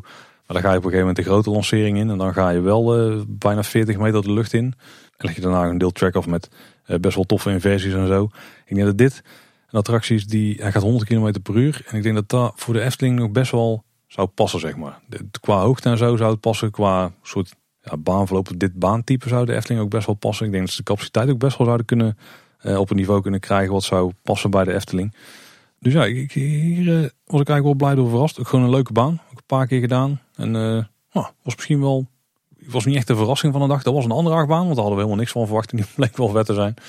Maar was wel, was wel aardig. En dan moeten we denk ik naar die laatste verrassing eh, toe. Of vooral naar de verrassing toe. Jouw eervolle vermelding. Deze maar eigenlijk wel. En dat is uh, Speed, wat een watercoaster eigenlijk is. Oh. Met een hele stomme naam voor een watercoaster, zou ik denken. Maar dat ding heeft een, een lifthill uh, die is blijkbaar 60 meter hoog, maar daar geloof ik helemaal gereed van. Ik denk dat de liftconstructie 60 meter hoog is en dat de boot misschien op net 50 meter of zo daarin omhoog wordt ge gehesen. Want dat is zo'n lift die uh, twee platformen heeft, waarvan als de ene omhoog gaat, de andere naar beneden gaat en als elkaar uh, onderling of onderweg ergens kruisen. Volgens mij heeft Europa Park het ook voor hun, voor hun, hun, een achtbaan daar ergens. Ja, en dan sta je bovenaan die lift en dan gaat ding met de rotgang naar beneden, ook 100 km per uur dus, met een watercoaster. Met een helemaal niet stijle helling of zo. Maar die snelheid is gewoon super vet. En dan duik je zo'n waterbak in. Eh, waarbij een splash hebt, merk je wel niks van. Want je gaat zo hard dat alle water achter je landt. En dan doe je nog een vrij suf parcoursje. En dan land je uiteindelijk weer in het water. Uh, het karretje bestaat zeg maar uit twee delen. Kan ook individueel van elkaar af bewegen. Heel vreemd. Uh, maar als je in de achterste zit, dan kan je een vrij vervelende klap krijgen als je naar beneden komt bij de uiteindelijke splash. Maar dit was best wel een, eh, best wel een vet ding. Hoef ik niet in de Efteling te zien nog. Maar het ja, nee, ik, wou, ik wou net vragen, is dit uh, wat de Vliegende Hollander had moeten zijn qua watercoaster? Ik dacht dat het de Mak was, maar het is dus een Intermin. Maar Mak heeft volgens mij wel een vergelijkbaar systeem en dan had het wel, had het wel gekund. Ik vind die track vind ik heel lelijk. Dus net als uh, Aquatica Supersplash of zo heet dat ding. Zo'n hele brede, ja, bijna metalen... Oh, de Atlantica Super, uh, Supersplash. Oh ja, ik heb het over volgens mij de waterpark in Orlando. Maar dat ding inderdaad. We zijn niet af te pakken lounge. Maar ja, nee, nee. Ik denk dat het voor de Efteling allemaal te lomp uitgevoerd was. En zo. Er staan echt enorm veel boomerang trouwens. We hebben die wel drie gedaan of zo. Ja, nog wel wat klein spul. Maar we, we hebben heel veel van die de wilde muis hebben we niet gedaan. Er staat ook zo'n zo'n SLC van Vekoma. Wel blijkbaar met nieuwere beugels dan ze in Walibi hebben. Die hebben we gewoon niet gedaan, want we hadden geen zin in koppijn. Er zit ook wel trouwens een vrij aardige lanceerachtbaan. Formula's. Volgens mij een beetje een extended edition van uh, dat ding wat ze in Drievliet hebben. Uh, de Formule X heet die daar uit mijn hoofd. Nou, laat ik zo zeggen. Als je daar naartoe gaat voor de achtbanen. Dan uh, heb je echt een hele prima dag. En ik denk dat je aan een dag ook echt wel genoeg hebt. Al die kleine achtbanen hoef je niet te doen wachttijden voor ons waren ja, 25 minuten tot 10 minuten of zo. Wat, wat, wat is de, de sfeer, de vibe zo in het park? Of tussen jullie? Of was jullie dagje? Wat... Nou, de, sfeer in het park is vrij wisselend. Uh, meest geschikt... Uh, nou, nou, nou, je zegt hè. Er was één plek, kreeg ik echt wel Europa Park vibes. En dat was in dat uh, gebied rondom Zadra, dus met een middeleeuwse straatje. Maar dat kwam ik ook omdat op dat moment de Oktoberfest weken bezig waren bij de waren. Dus heel veel van die bierkramen en heel veel horeca die in het algemeen eigenlijk best wel goed was. Uh, best wel divers ook. En daar waren ze dus heel veel vers eten aan het bereiden buiten ook. Dus uh, ja, weet je wel, de, de, curryworsten en dat soort dingen waren ze daar buiten aan het bakken. Daar hing wel echt een, ja, een beetje, ja, een beetje eigenlijk. Zoals ik het daar ook wel uit delen van het park ken. Andere delen die hadden totaal geen sfeer, zeg maar. Dus ja, het is van alles waar. Er is geen over, overkoepelend sfeertje daar in ieder geval. Ja, als je dan namelijk, misschien is daar wel het mooiste contrast bij. Hyperion, dat is echt een beetje de rauwe industriële, wel een beetje glimmend industrieel, zeg maar. En daar hangt dan weer echt wel zo'n, ja, bijna kermissfeer of zo, we moeten zeggen. Ja, wat minder, minder prettig sfeertje. Laten we daar ophouden. Maar iedereen was verder super vriendelijk en zo, dat was allemaal wel goed. Maar ik denk dat de horeca ook nog wel een uh, positieve uitschieter was. Mooi. En bij ons staat voor uh, volgend jaar de zomervakantie Polen vrij hoog uh, op de verlanglijst. Ehm, de kans is aanwezig dat we inderdaad naar Polen gaan en dat we dan ook in de buurt van Energielandia uitkomen. Zeg jij van nou, dan is Energielandia echt een must-do met uh, twee kinderen erbij van uh, dan uh, vijf en zeven? Of zeg je van, nou, doe wel liever iets anders? Ja, ik vind dat lastig, want echt de topattracties daar zijn zeker die grote achtbanen. En daar mogen de kinderen nog niet in. Nee, daar mogen ze gewoon niet in, daar zijn ze te klein voor. Ja, een ticket is volgens mij 35 euro ongeveer. Dus dan zou je moeten kijken of dat er de moeite is, want ze kunnen zich daar prima heel de dag van maken. Ook twee dagen, want je gaat echt niet al die attracties doen in die tijd. Dat, dat is gewoon praktisch onmogelijk. Ja, maar je wil die achtbanen zelf wel doen. dus dan moet je dan even zien te schipperen. Baby Switch. Is het een leuk familiepark? Ja, als je gaat voor, voor de attractieervaringen wel. Maar het is geen voor de sfeer hoef je er niet... Ja, misschien voor kinderen. Misschien dat die kinderen nog wel aanspreekt trouwens, die sfeer. En als je in de zomer gaat, was dat planning? Dan heb je ook nog het uh, zwempark wat erbij ligt, waar je volgens mij ook gratis dan in kunt. Dus het gewoon bij het ticket inbegrepen. Dus het is gewoon een opening ook vanuit het park die kant op. Ik denk dat, eigenlijk dat je best wel goed kunt vermaken. Ja, het is eigenlijk heel simpel. Als jij kunt vermaken in een dag eh, in Slaghaar of zo, of in uh, gewoon een middelgrote park in Nederland waar er vrij veel van hebben. Ja, voor hetzelfde geld, letterlijk, kun je daar ook gewoon vermaken met een nog groter aanbod van alles eigenlijk. Komt het wel op neer. Want ook al die, die achtbanen die wij dan als kleinere achtbanen zagen, die junior coasters en zo, ja, die zijn wel gewoon heel leuk om met je kinderen te doen. Dus, ja, misschien zou ik het wel aanraden, ja. Toch een aanrader dus. denk het wel eigenlijk, ja. Oh, mooi. Ik was in ieder geval in het algemeen heel positief verrast door uh, Energielandia. Nou, tof. Ik uh, snap dat dit een uh, bucketlist item voor je was. Ja, en ze blijven dan maar aan de weg timmeren. Volgens mij was er weer een vergunningsaanvraag uitgegaan voor een een of andere uitgebreide Vekoma. Nee, niet vergunningsaanvraag, een tender. Uh, met allerlei heftige elementen erin en zo. Dus misschien moeten we over een x aantal jaar weer terug. Ik doe volgend jaar misschien weer een verslag. ik ben heel benieuwd wat, uh, wat jullie ervaring er is. Ja. En toen kwam jij terug uit Polen en toen dacht je, nou, tijd om even een paar weekjes in Kaatsheuvel te blijven. Ja, dat was dan wel finaal mislukt. Nou wel, toen kwam die vrijdagavond uh, van wij als ambassadeurs. Maar een dag daarvoor kreeg ik in één keer een uitnodiging om naar Disneyland Parijs te gaan met een uh, goede bekende. vriend van de show ook. Maar het was allemaal een beetje last minute. Dus uh, vrouwlief die, die moest gewoon werken. Die kon echt niks verschuiven. ik had die mogelijkheid wel. Dus ik ben uiteindelijk met de twee kinderen die kant op gegaan. Eh, in de auto 4,5 eh, uur. Wat opvallend soepel verliep trouwens. Laten we daar even op houden. Mocht je het ooit nog terugluisteren. Maar we natuurlijk wel gewoon met die uh, vriend erbij die dan ook gewoon daarmee het park in is geweest. Dus uiteindelijk waren we nog gewoon een unit van vier personen die zich daar uh, synchroon door het park heen bewoog.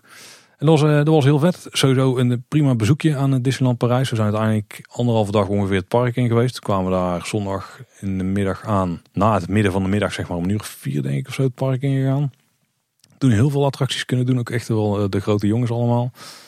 Met de, de oudste voor het eerst in Space Mountain geweest. Heel cool. En uiteindelijk ook nog in eh, Avengers Flight Force. Zeg maar de oude rock'n'roller coaster. Wat ze beide heel vet vond. Maar de, de topper voor ons was toch wel eh, Big Thunder Mountain. Op zondag, toen was die 100 jaar. Viering ook echt. Op maandag toch? Zeg zondag? Ja. Ik eh, ben echt helemaal eh, besef van tijd kwijt, Tim. Want dit was voor mij... Ik ben gisteren teruggekomen, zeg maar. En vandaag had ik ook een drukke dag. Ik snap het helemaal. Ehm, maar ik heb van die viering uiteindelijk niet zoveel meegekregen. Want we waren op zondag zo laat tot in het park gebleven. Dat we ook wat later uit bed waren op eh, maandag. En toen uh, blijkbaar was een openingswoordje van Natasja Rawalski. De huidige directeur van Disneyland Parijs. Of directrice. Daarna was er een parade of zo. Waarbij ze allerlei karakters uit 100 jaar Disney langs lieten komen. Op volgorde van het jaar. Of ze voor het eerst verschenen in een video. Volgens mij 100, 100 verschillende figuren. Ja, zoiets nieuws was meermaals op een dag. Maar dat kwam heel tijd precies niet uit voor ons om na te gaan kijken. Die kans hadden we wel één of twee keer volgens mij. Er was ook nog een details uh, meetup daar trouwens. Die ook ik net gemist op, op vier minuten nauwkeurig. dat was ook netjes. Met 112 luisteraars uh, zag ik ergens voorbij komen. Ja, zoiets. Ik, ik heb de foto dus gezien en wij kwamen eraan echt net op het moment dat iedereen weg was op de plek waar die foto gemaakt werd. Dat was wel jammer. En was volgens mij met de avondshow het nog wel gedaan. En op sommige plekken was wat extra aankleding. in de studio's lag een zilveren loper met erop 100 geprojecteerd. Ja, het waren een beetje dat soort details, weet je wel. Niks wat er echt uitsprong of iets omgaf. Er waren speciale foto-opportunities en meet and greets en zo. Ja, dat is ja, mij niet, allemaal niet besteed. En de kinderen gaven er ook niks om. Dus wij hebben eigenlijk gewoon ook heel de dag attracties gedaan. Gewoon anderhalf dag lang attracties geracht. Eigenlijk wel, ja. ja. Met uh, Tim één extreem hoogtepunt. Nou ben ik benieuwd. Big Thunder Mountain was echt onze favoriete attractie van het weekend. Hè? Ja. Uh, de, de, jongste die vindt, uh, nou, die, die, die gaat graag in rustige achtbanen. Ja. En Big Thunder Mountain is ongeveer wel het heftigste wat ze dan aandurft. Ik besef, ik besef ondertussen dat ik weet naar welk hoogtepunt jij aan het ontbouwen bent. ja, daar heb je wel het een en ander over gehoord. En um, wij gingen op, um, dat was op zondagavond ja, gingen we Big Thunder Mountain doen, want er stonden vijf minuten wachttijd. Nou, we denken, daar maken we gebruik van. Dus wij die attractie een rondje doen en uh, we komen eruit en we zeggen, oh, de wachtrij is nog steeds heel kort. We gaan gewoon nog een keer. Dus wij heel die wachtrij uitlopen, inlopen. Ik denk, nou, pff, kleine gaatje. Die wachtrij lijkt lang, maar vergeleken met Energielandia was het helemaal niks natuurlijk. Uh, dus wij stonden na vijf minuten weer bij een poortje. Nou, vier minuten misschien of zo. Wij stappen in. We gaan, uh, we, doen Big Thunder Mountain. Het was ook een bijzonder ritje, Tim. Die daarvoor ook. Want het uh, rookeffect deed bij de, ja, de laatste lifthill waar je die ontploffing hebt en zo. En dat gebeurt niet zo heel vaak. Dus wij doen het ritje en we zijn bij die laatste lifthill. En we zijn helemaal klaar voor het rookeffect. En in één keer bam achtbaan stil. En toen ging na twee minuten ging de werkverlichting aan. Mhm. Toen begon bij mij te dagen. ik denk, wij krijgen hier een ontruiming. En jij zat op dat moment op het eiland, toch? We zaten op het eiland, ja. Want het is de laatste lifthill. En daarna dan ga je dus nog een paar bochten maken. En dan ga je door de tunnel weer terug naar, uh, ja, naar het vasteland, zeg maar. Het is natuurlijk allemaal vasteland daar. Maar dan moet je dus door tunnels en zo gaan lopen. Vet. Ik wist niet precies waar we ontruimd gingen worden. Maar wat bleek, we zaten echt op het perfecte punt. En we moesten namelijk heel de berg doorkruisen. Dus we zijn daar... Um, uit het uh, karretje gehaald. Met veel meer Nederlanders trouwens. Er zaten bijna alleen maar Nederlanders in volgens mij. Uh, toen zijn we achteruit die lift afgelopen. Of tenminste naast de lift heel dus. En er zit dus gewoon uh, de, zeg maar het, het, de nooduitgang daar. zijn gewoon gethematiseerde trappen helemaal naar beneden. Langs ja. de rand van het eiland. Het is zo'n houten stellage in die hoek van het land. Een beetje aan de, aan de rechter achterkant van het eiland. Als je vanuit het station kijkt. En uh, dan draai je op een gegeven moment een grot in. Ook nog mooi gethematiseerd met die die rode stenen, uh, ja, met, die rots, de rode stenen rotswerk, zeg maar. En uh, dan draai je een hoek om. En dan wordt het in één keer kaal beton. En dan sta je in één keer binnen op zo'n zo'n groene loop. Ja, zo'n groene looppad wat daardoor die ja, hal. Het is geen hal, het is gewoon echt. Je staat gewoon onder de. Als je omhoog kijkt, zie je gewoon de staalconstructie, draadstaalconstructie, waar heel die, die berg mee is gevormd. En waar ze al het spuitbeton op hebben gesmeerd, zeg maar, op hebben gespoten. Daar sta je gewoon recht in te kijken. Echt super vet. Overal liepen allemaal buizen en systemen om, ja, ik zal het af te vragen, maar volgens mij om die splash bijvoorbeeld uh, te fixen die aan de andere kant van het eiland dan plaatsvond waar wij waren. Dat pompt nu een hoop water uh, eruit. Ik heb ooit gehoord dat ze het rook voor de rookeffecten vanaf de, het vasteland zeg maar daarin pompen, maar dat snap ik niet, want die bergen zo groot, daar kan je bij wijze van spreken, een, om maar een Disney legende erbij te pakken, een basketbalveld in kwijt. Dat is echt een gigantisch ding. Ja, wel met allerlei obstakels. Basketbal niet heel comfortabel, denk ik. Maar daar even rondkijken was wel echt super vet. Ja, dat snap ik. Dat is echt wel een jongensdroom die in vervulling ging, denk ik. Nou, en uiteindelijk moesten dus ook nog door de tunnel waar je normaal gesproken het eiland ingaat. Je moet eigenlijk zo zeggen, als je dus in het station staat en je rolt dat uit, dan ga je meteen zo'n tunnel in. En die tunnel hebben wij dus helemaal moeten doorlopen. Want daar kwamen eigenlijk uh, aan de voet van de lift die daar zit, daar kwamen we weer de, ja, de rails, of ik moet zeggen, de, de, de track op. Of het, eigenlijk de langs. En uh, zo moest je helemaal teruglopen. Ja, je kan je voorstellen dat die tunnel waar je in het donker doorheen gaat, die is niet zo heel boeiend om te zien. Maar toch wel vet om even langs te lopen. Het viel me trouwens op hoe uh, niet per se arbo-proof het allemaal was. Dat je best wel een smal stukje had waar je op moest lopen, waar ook gewoon de kinderen er overheen moesten. Maar nou, wel echt super vet om een keer te zien, ook met werklicht allemaal. Dit is, dit is iets, dit snap je alleen als pretparkfan. Ja, ja dit, ik moest ook wel lachen. Jij stuurde een filmpje door. Waarin op een de, de achtbaan stilviel of vastsloeg. En dat onze vriend van de show echt keihard een yes uitslaakte. dacht ja, dan ben je echt een pretparkfan. Ja, die zat dus klaar om te filmen omdat hij uh, wist dat het rookeffecten zou doen. Dat is de enige reden dat hij dat stukje aan het filmen was. Ja, nou, dan legde hij alleen een, eh, een storing vast. Schitterend. Maar dat was heel vet. Ja, nogmaals, eh, bedankt voor de uitnodiging. Je weet wie je bent. En uh, ik hou me vannacht aanbevolen voor toekomstige uitnodigingen. En toen kwam je terug uit Marne de Vallée, de Chassis. En toen dacht je, tijd om te gaan werken. Ja, nou dat was dan al wel gepland Tim. Dat gingen we niet doen. want ik ben ook nog naar Lego World geweest in Utrecht. Oh. En daar is tegen de tijd dat de aflevering uitkomt al lang weer afgelopen. Ja, ik was heel helemaal gaar en daar is het niet minder op geworden. Want je bent alleen maar aan het rondstruinen. De kinderen die gingen overal spelen. Maar alles wat je, waar je kunt bouwen is gewoon op, voor ons bukhoogte, zeg maar. Dus je hangt de hele dag over die bouwtafels en zo heen. Maar ik, ik, vond het nog wel de moeite om even te noemen vanwege één ding. Het hele geheel bestaat namelijk uit drie hallen. Uh, je hebt dan eigenlijk twee hallen vooraan. Dus gewoon volledig ingericht door Lego zelf volgens mij. En ook het Discovery Center. Maar het Scheveningen heeft daar een hoekje geclaimd. Maar als je dan hal 7 loopt, dat is een beetje meer achteraan. Dan heb je daar een hoekje voor de hobbyisten, zoals we het noemen. Volgens mij letterlijk. Uh, en als je daar dan naar kijkt, dan zie je al één ding erboven uittorenen. En dat is uh, de pagode. De pagode van uh, Roland van der Wallen. Ja, want die heeft daar twee beelds tentoongesteld. Tenminste, in ieder geval twee Efteling beelds. Pagode, met daaronderin ook nog een straatje met allerlei sprookjes en zo. die daar langs het, dit gedeelte waar arm inzakt staan. En die ziet er al super vet uit. Mooi gedetailleerd en zo. Maar er zit ook gewoon een stuk techniek in. Die kan ook bewegen. Dat deed hij niet toen wij er waren. Roland was er ook zelf niet volgens mij op de woensdag dat wij er waren. Uh, anders had ik hem allicht even gevraagd. Uh, maar ook uh, zijn, zijn beeld van het Efteling Hotel. Het huidige Efteling Hotel. Of nou eigenlijk het originele Efteling Hotel. met ook de originele kleuren daken en, en, en gevelbekleding en zo. Die staat er ook. En dat is ook echt een heel vet ding. En daar stond ook een kaartje bij waaruit bleek dat Ronald Donkersom dus heeft geassisteerd. Of in ieder geval dat hij mee heeft geholpen met wat details over het hotel en zo uh, duidelijk krijgen. Zodat hij daar uh, ja, zo'n natuurgetrouw mogelijke versie van kon, uh, kon bouwen. Echt heel vet. Ja, heel gaaf. Ik heb de opbouw van het Efteling Hotel in Lego op de voet gevolgd op LinkedIn. Ja, en, inderdaad. Ja. ja. En stiekem wel jaloers dat jij hem nou in levende lijf hebt gezien. Nou, echt heel vet. Maar hij gaat daarmee door heel Nederland te reizen. En dit was volgens mij de eerste grote beurs waar hij stond. Maar hij komt vast wel dichter bij huis. En met een iets zachter prijskaartje langs. Gok ik. Dat was wel echt heel vet. Maar Tim, ik, ik zit heel lang te kletsen. En ik weet dat dit nou al veel langer duurt dan normaal gesproken. Maar ik ben wel heel benieuwd naar jouw ervaring in, uh, in Biddinghuizen. Ja, inderdaad. Want uh, ik ben uh, voor het allereerst in mijn leven naar de Walibi Holland Halloween Fright Nights geweest. Nou, dan moet toch een ervaring van je leven zijn geweest. Ja, ja, ja. ja nou, ik moet zeggen, ik, ik had nooit echt iets met Halloween. Kwam vooral voort uit het feit dat ik nooit iemand had die met mij mee wilde. Want Anne vindt het toch wat te spannend en de kids zijn nog te jong. En nou ja, als ik het dan aan vrienden vroeg, die vonden het dan ook te spannend of te duur of te veel gedoe. Maar ik ben altijd heel erg nieuwsgierig geweest naar Halloween in pretpark. Omdat ik van huis uit echt, dol ben op griezelen en horror. Maar dat kwam er nou maar nooit van. En toen zat ik deze zomer op een uitje of een, een, feestje. En ik raakte aan de praat met een vriend. En die zei, weet je wat ik altijd nog eens zou willen? Ik zei, nou vertel. Nou, Walibi met Halloween. Ik zei, nou dat treft. Dat wil ik ook. Zo gezegd, zo gedaan. Dus we zijn op 7 eh, oktober op openingsdag naar de Fright Nights van Walibi geweest. En uh, ik heb echt een topdag gehad, joh. Ik heb het echt buitengewoon goed naar mijn zin gehad. Echt, je hebt een topdag gehad. Hoe laat waren je dan? Wij waren er om een uurtje of half twee, twee uur. En we zijn gebleven tot half elf, elf mm uur. Dus bijna tot, uh, tot sluitingstijd. En uh, ja, het was gewoon top. Ik heb zo hard gelachen. Ik heb me zo goed vermaakt. Nou, daar moet je wel meer over vertellen, Tim. Nou, dat kan wel weten.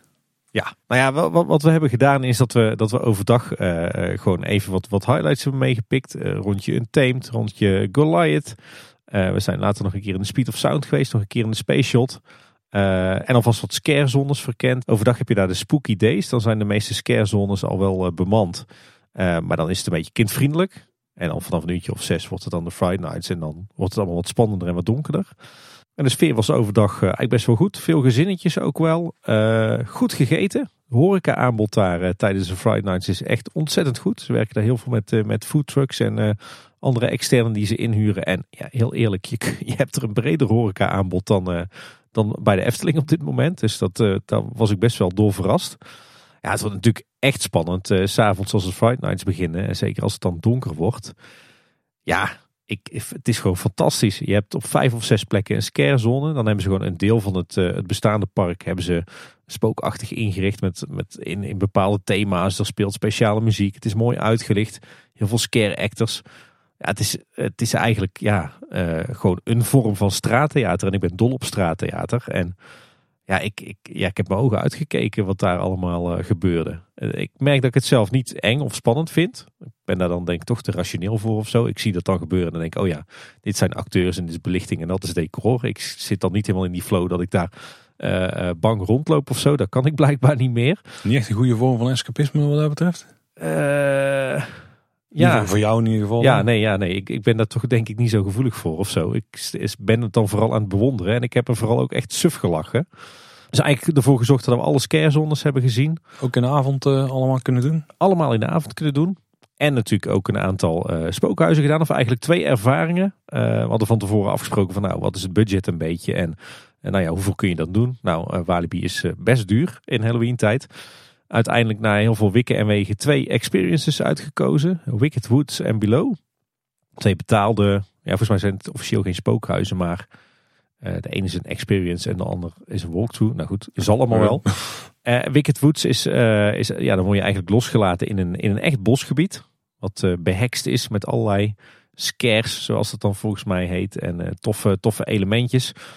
was best spannend sowieso. Ja, door een behekst bos heen dwalen. Dat, Oh, dan moet je wel leggen. Ja. absoluut.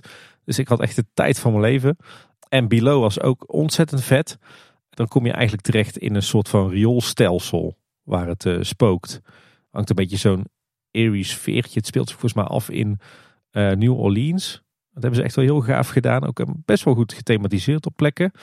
Uh, en het bijzondere daar is dat je echt met een lift het riool ingaat. En dat je ook echt een waadpak aan moet trekken. En dat je dan dus door een riool kruipt en sluipt. En met allerlei schrikeffecten.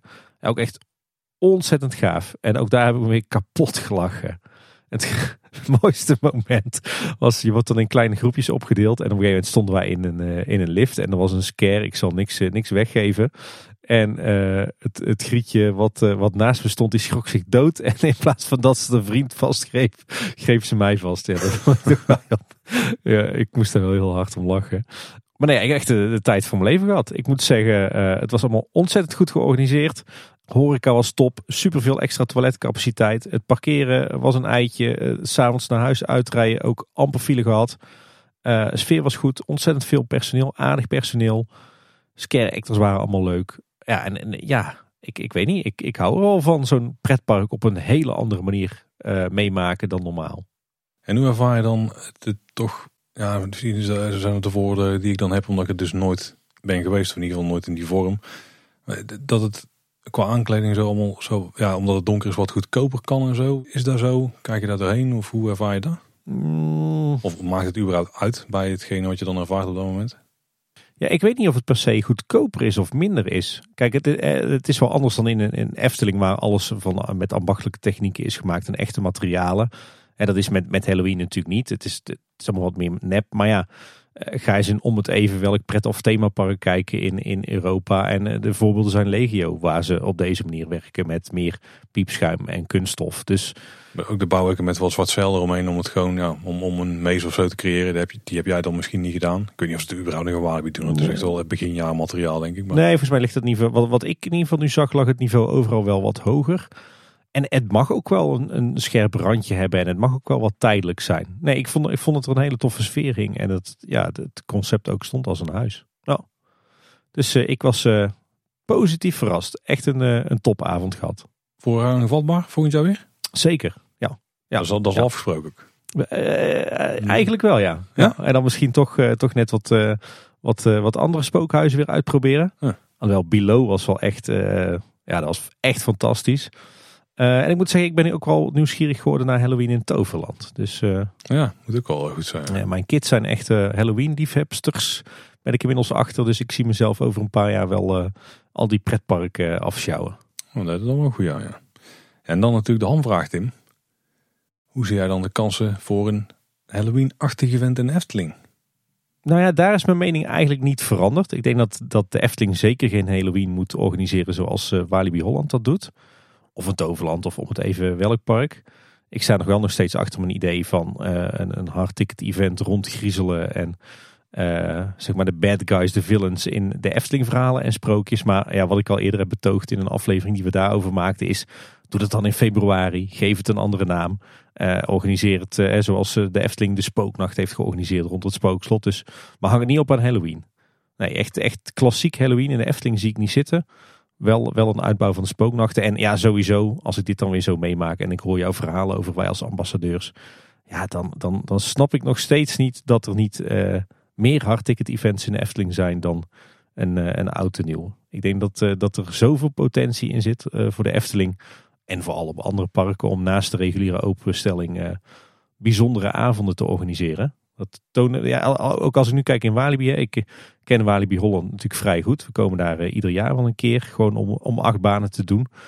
Uh, en tijdens zo'n Friday Nights is het park gewoon totaal anders. De hele ervaring, hoe het is aangekleed, de sfeer, de vibe, de, mensen die er komen. Ja, dat is zo gaaf om te zien hoe, hoe je zo'n park kunt omtoveren in een totaal andere beleving. En ik denk dat de Efteling dat ook ontzettend goed zou kunnen. Maar als je dan kijkt naar die type ervaringen die je in ieder geval nu zelf bij de Fright Nights hebt ervaren. Dus je hebt scarezone en spookhuizen. Welke hoek zou de Efteling dan bij een eigen event kunnen zoeken?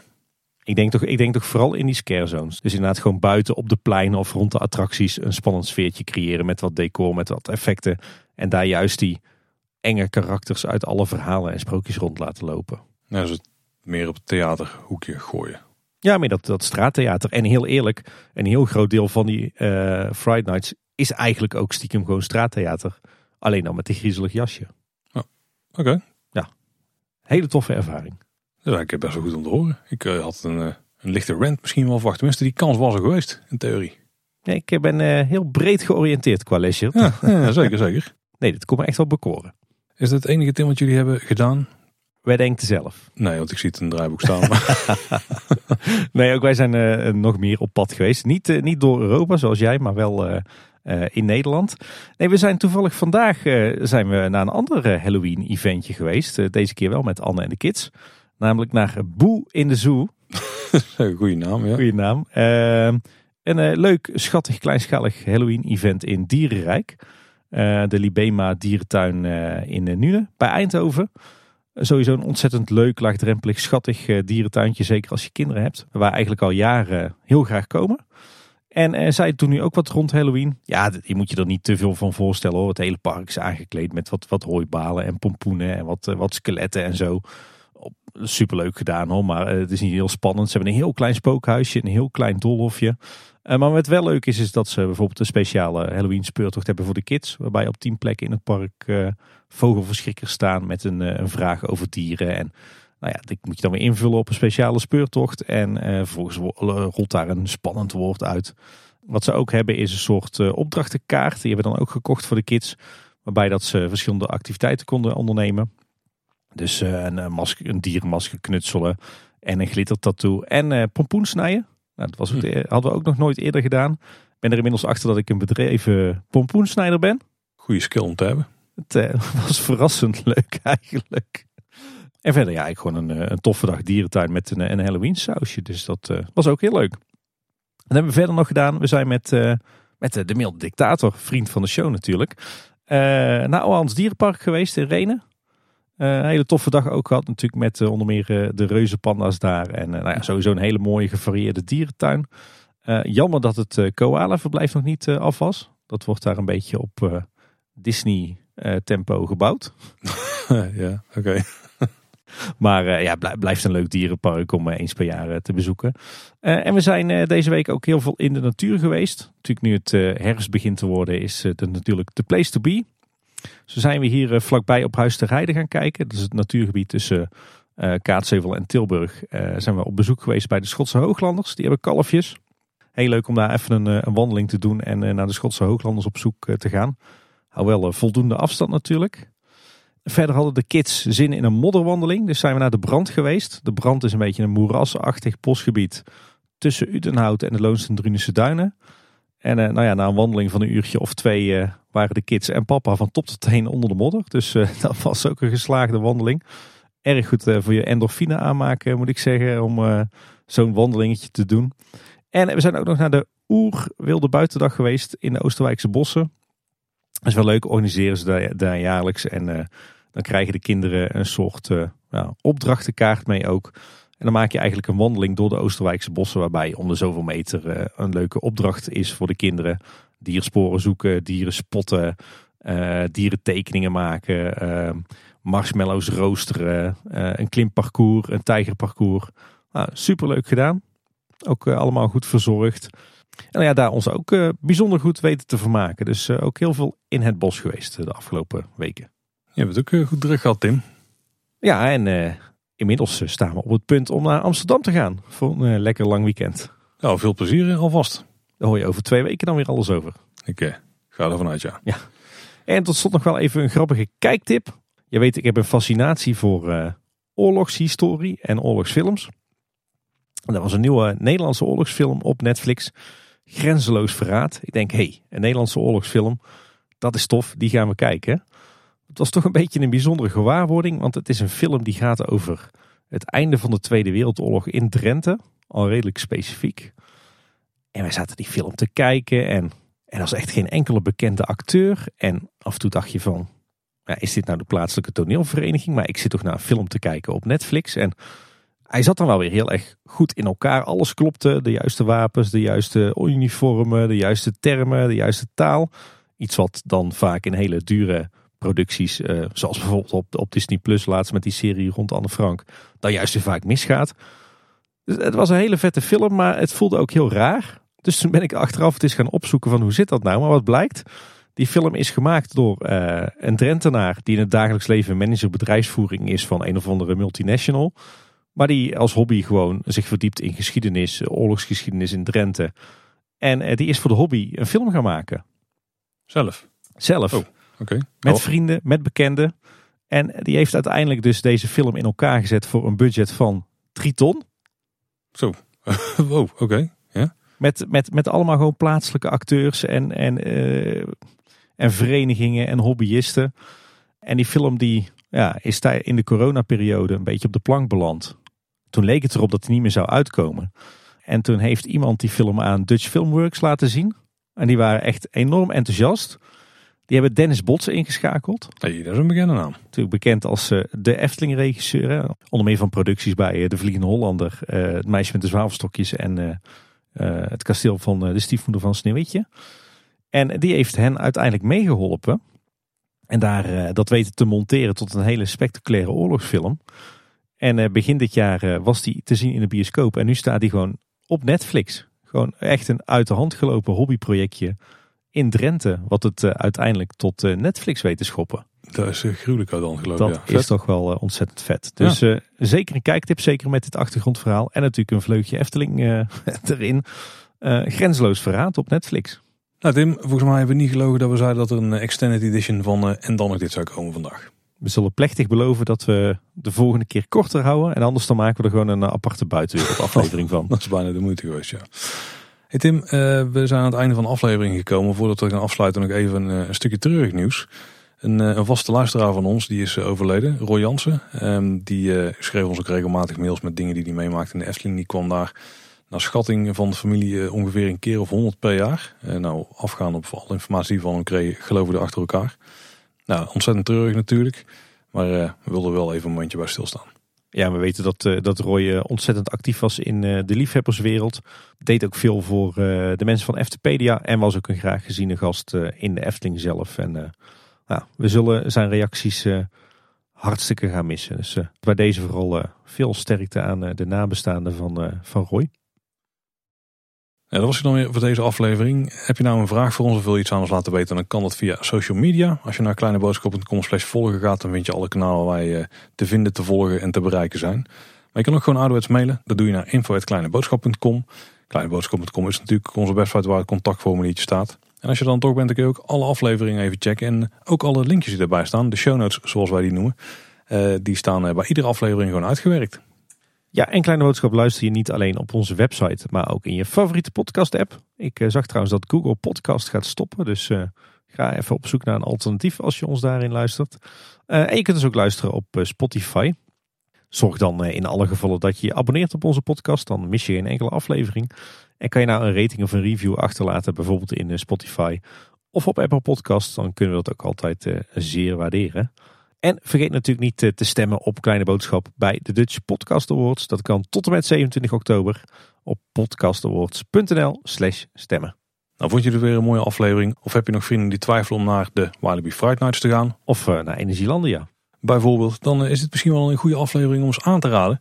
Want ja, wie weet kun je ze daarmee toch over de streep trekken. En hebben wij weer een luisteraar eh, erbij. Dat was in ieder geval weer voor deze week. Bedankt voor het luisteren. Tot de volgende keer. En houdoe. Houdoe waar.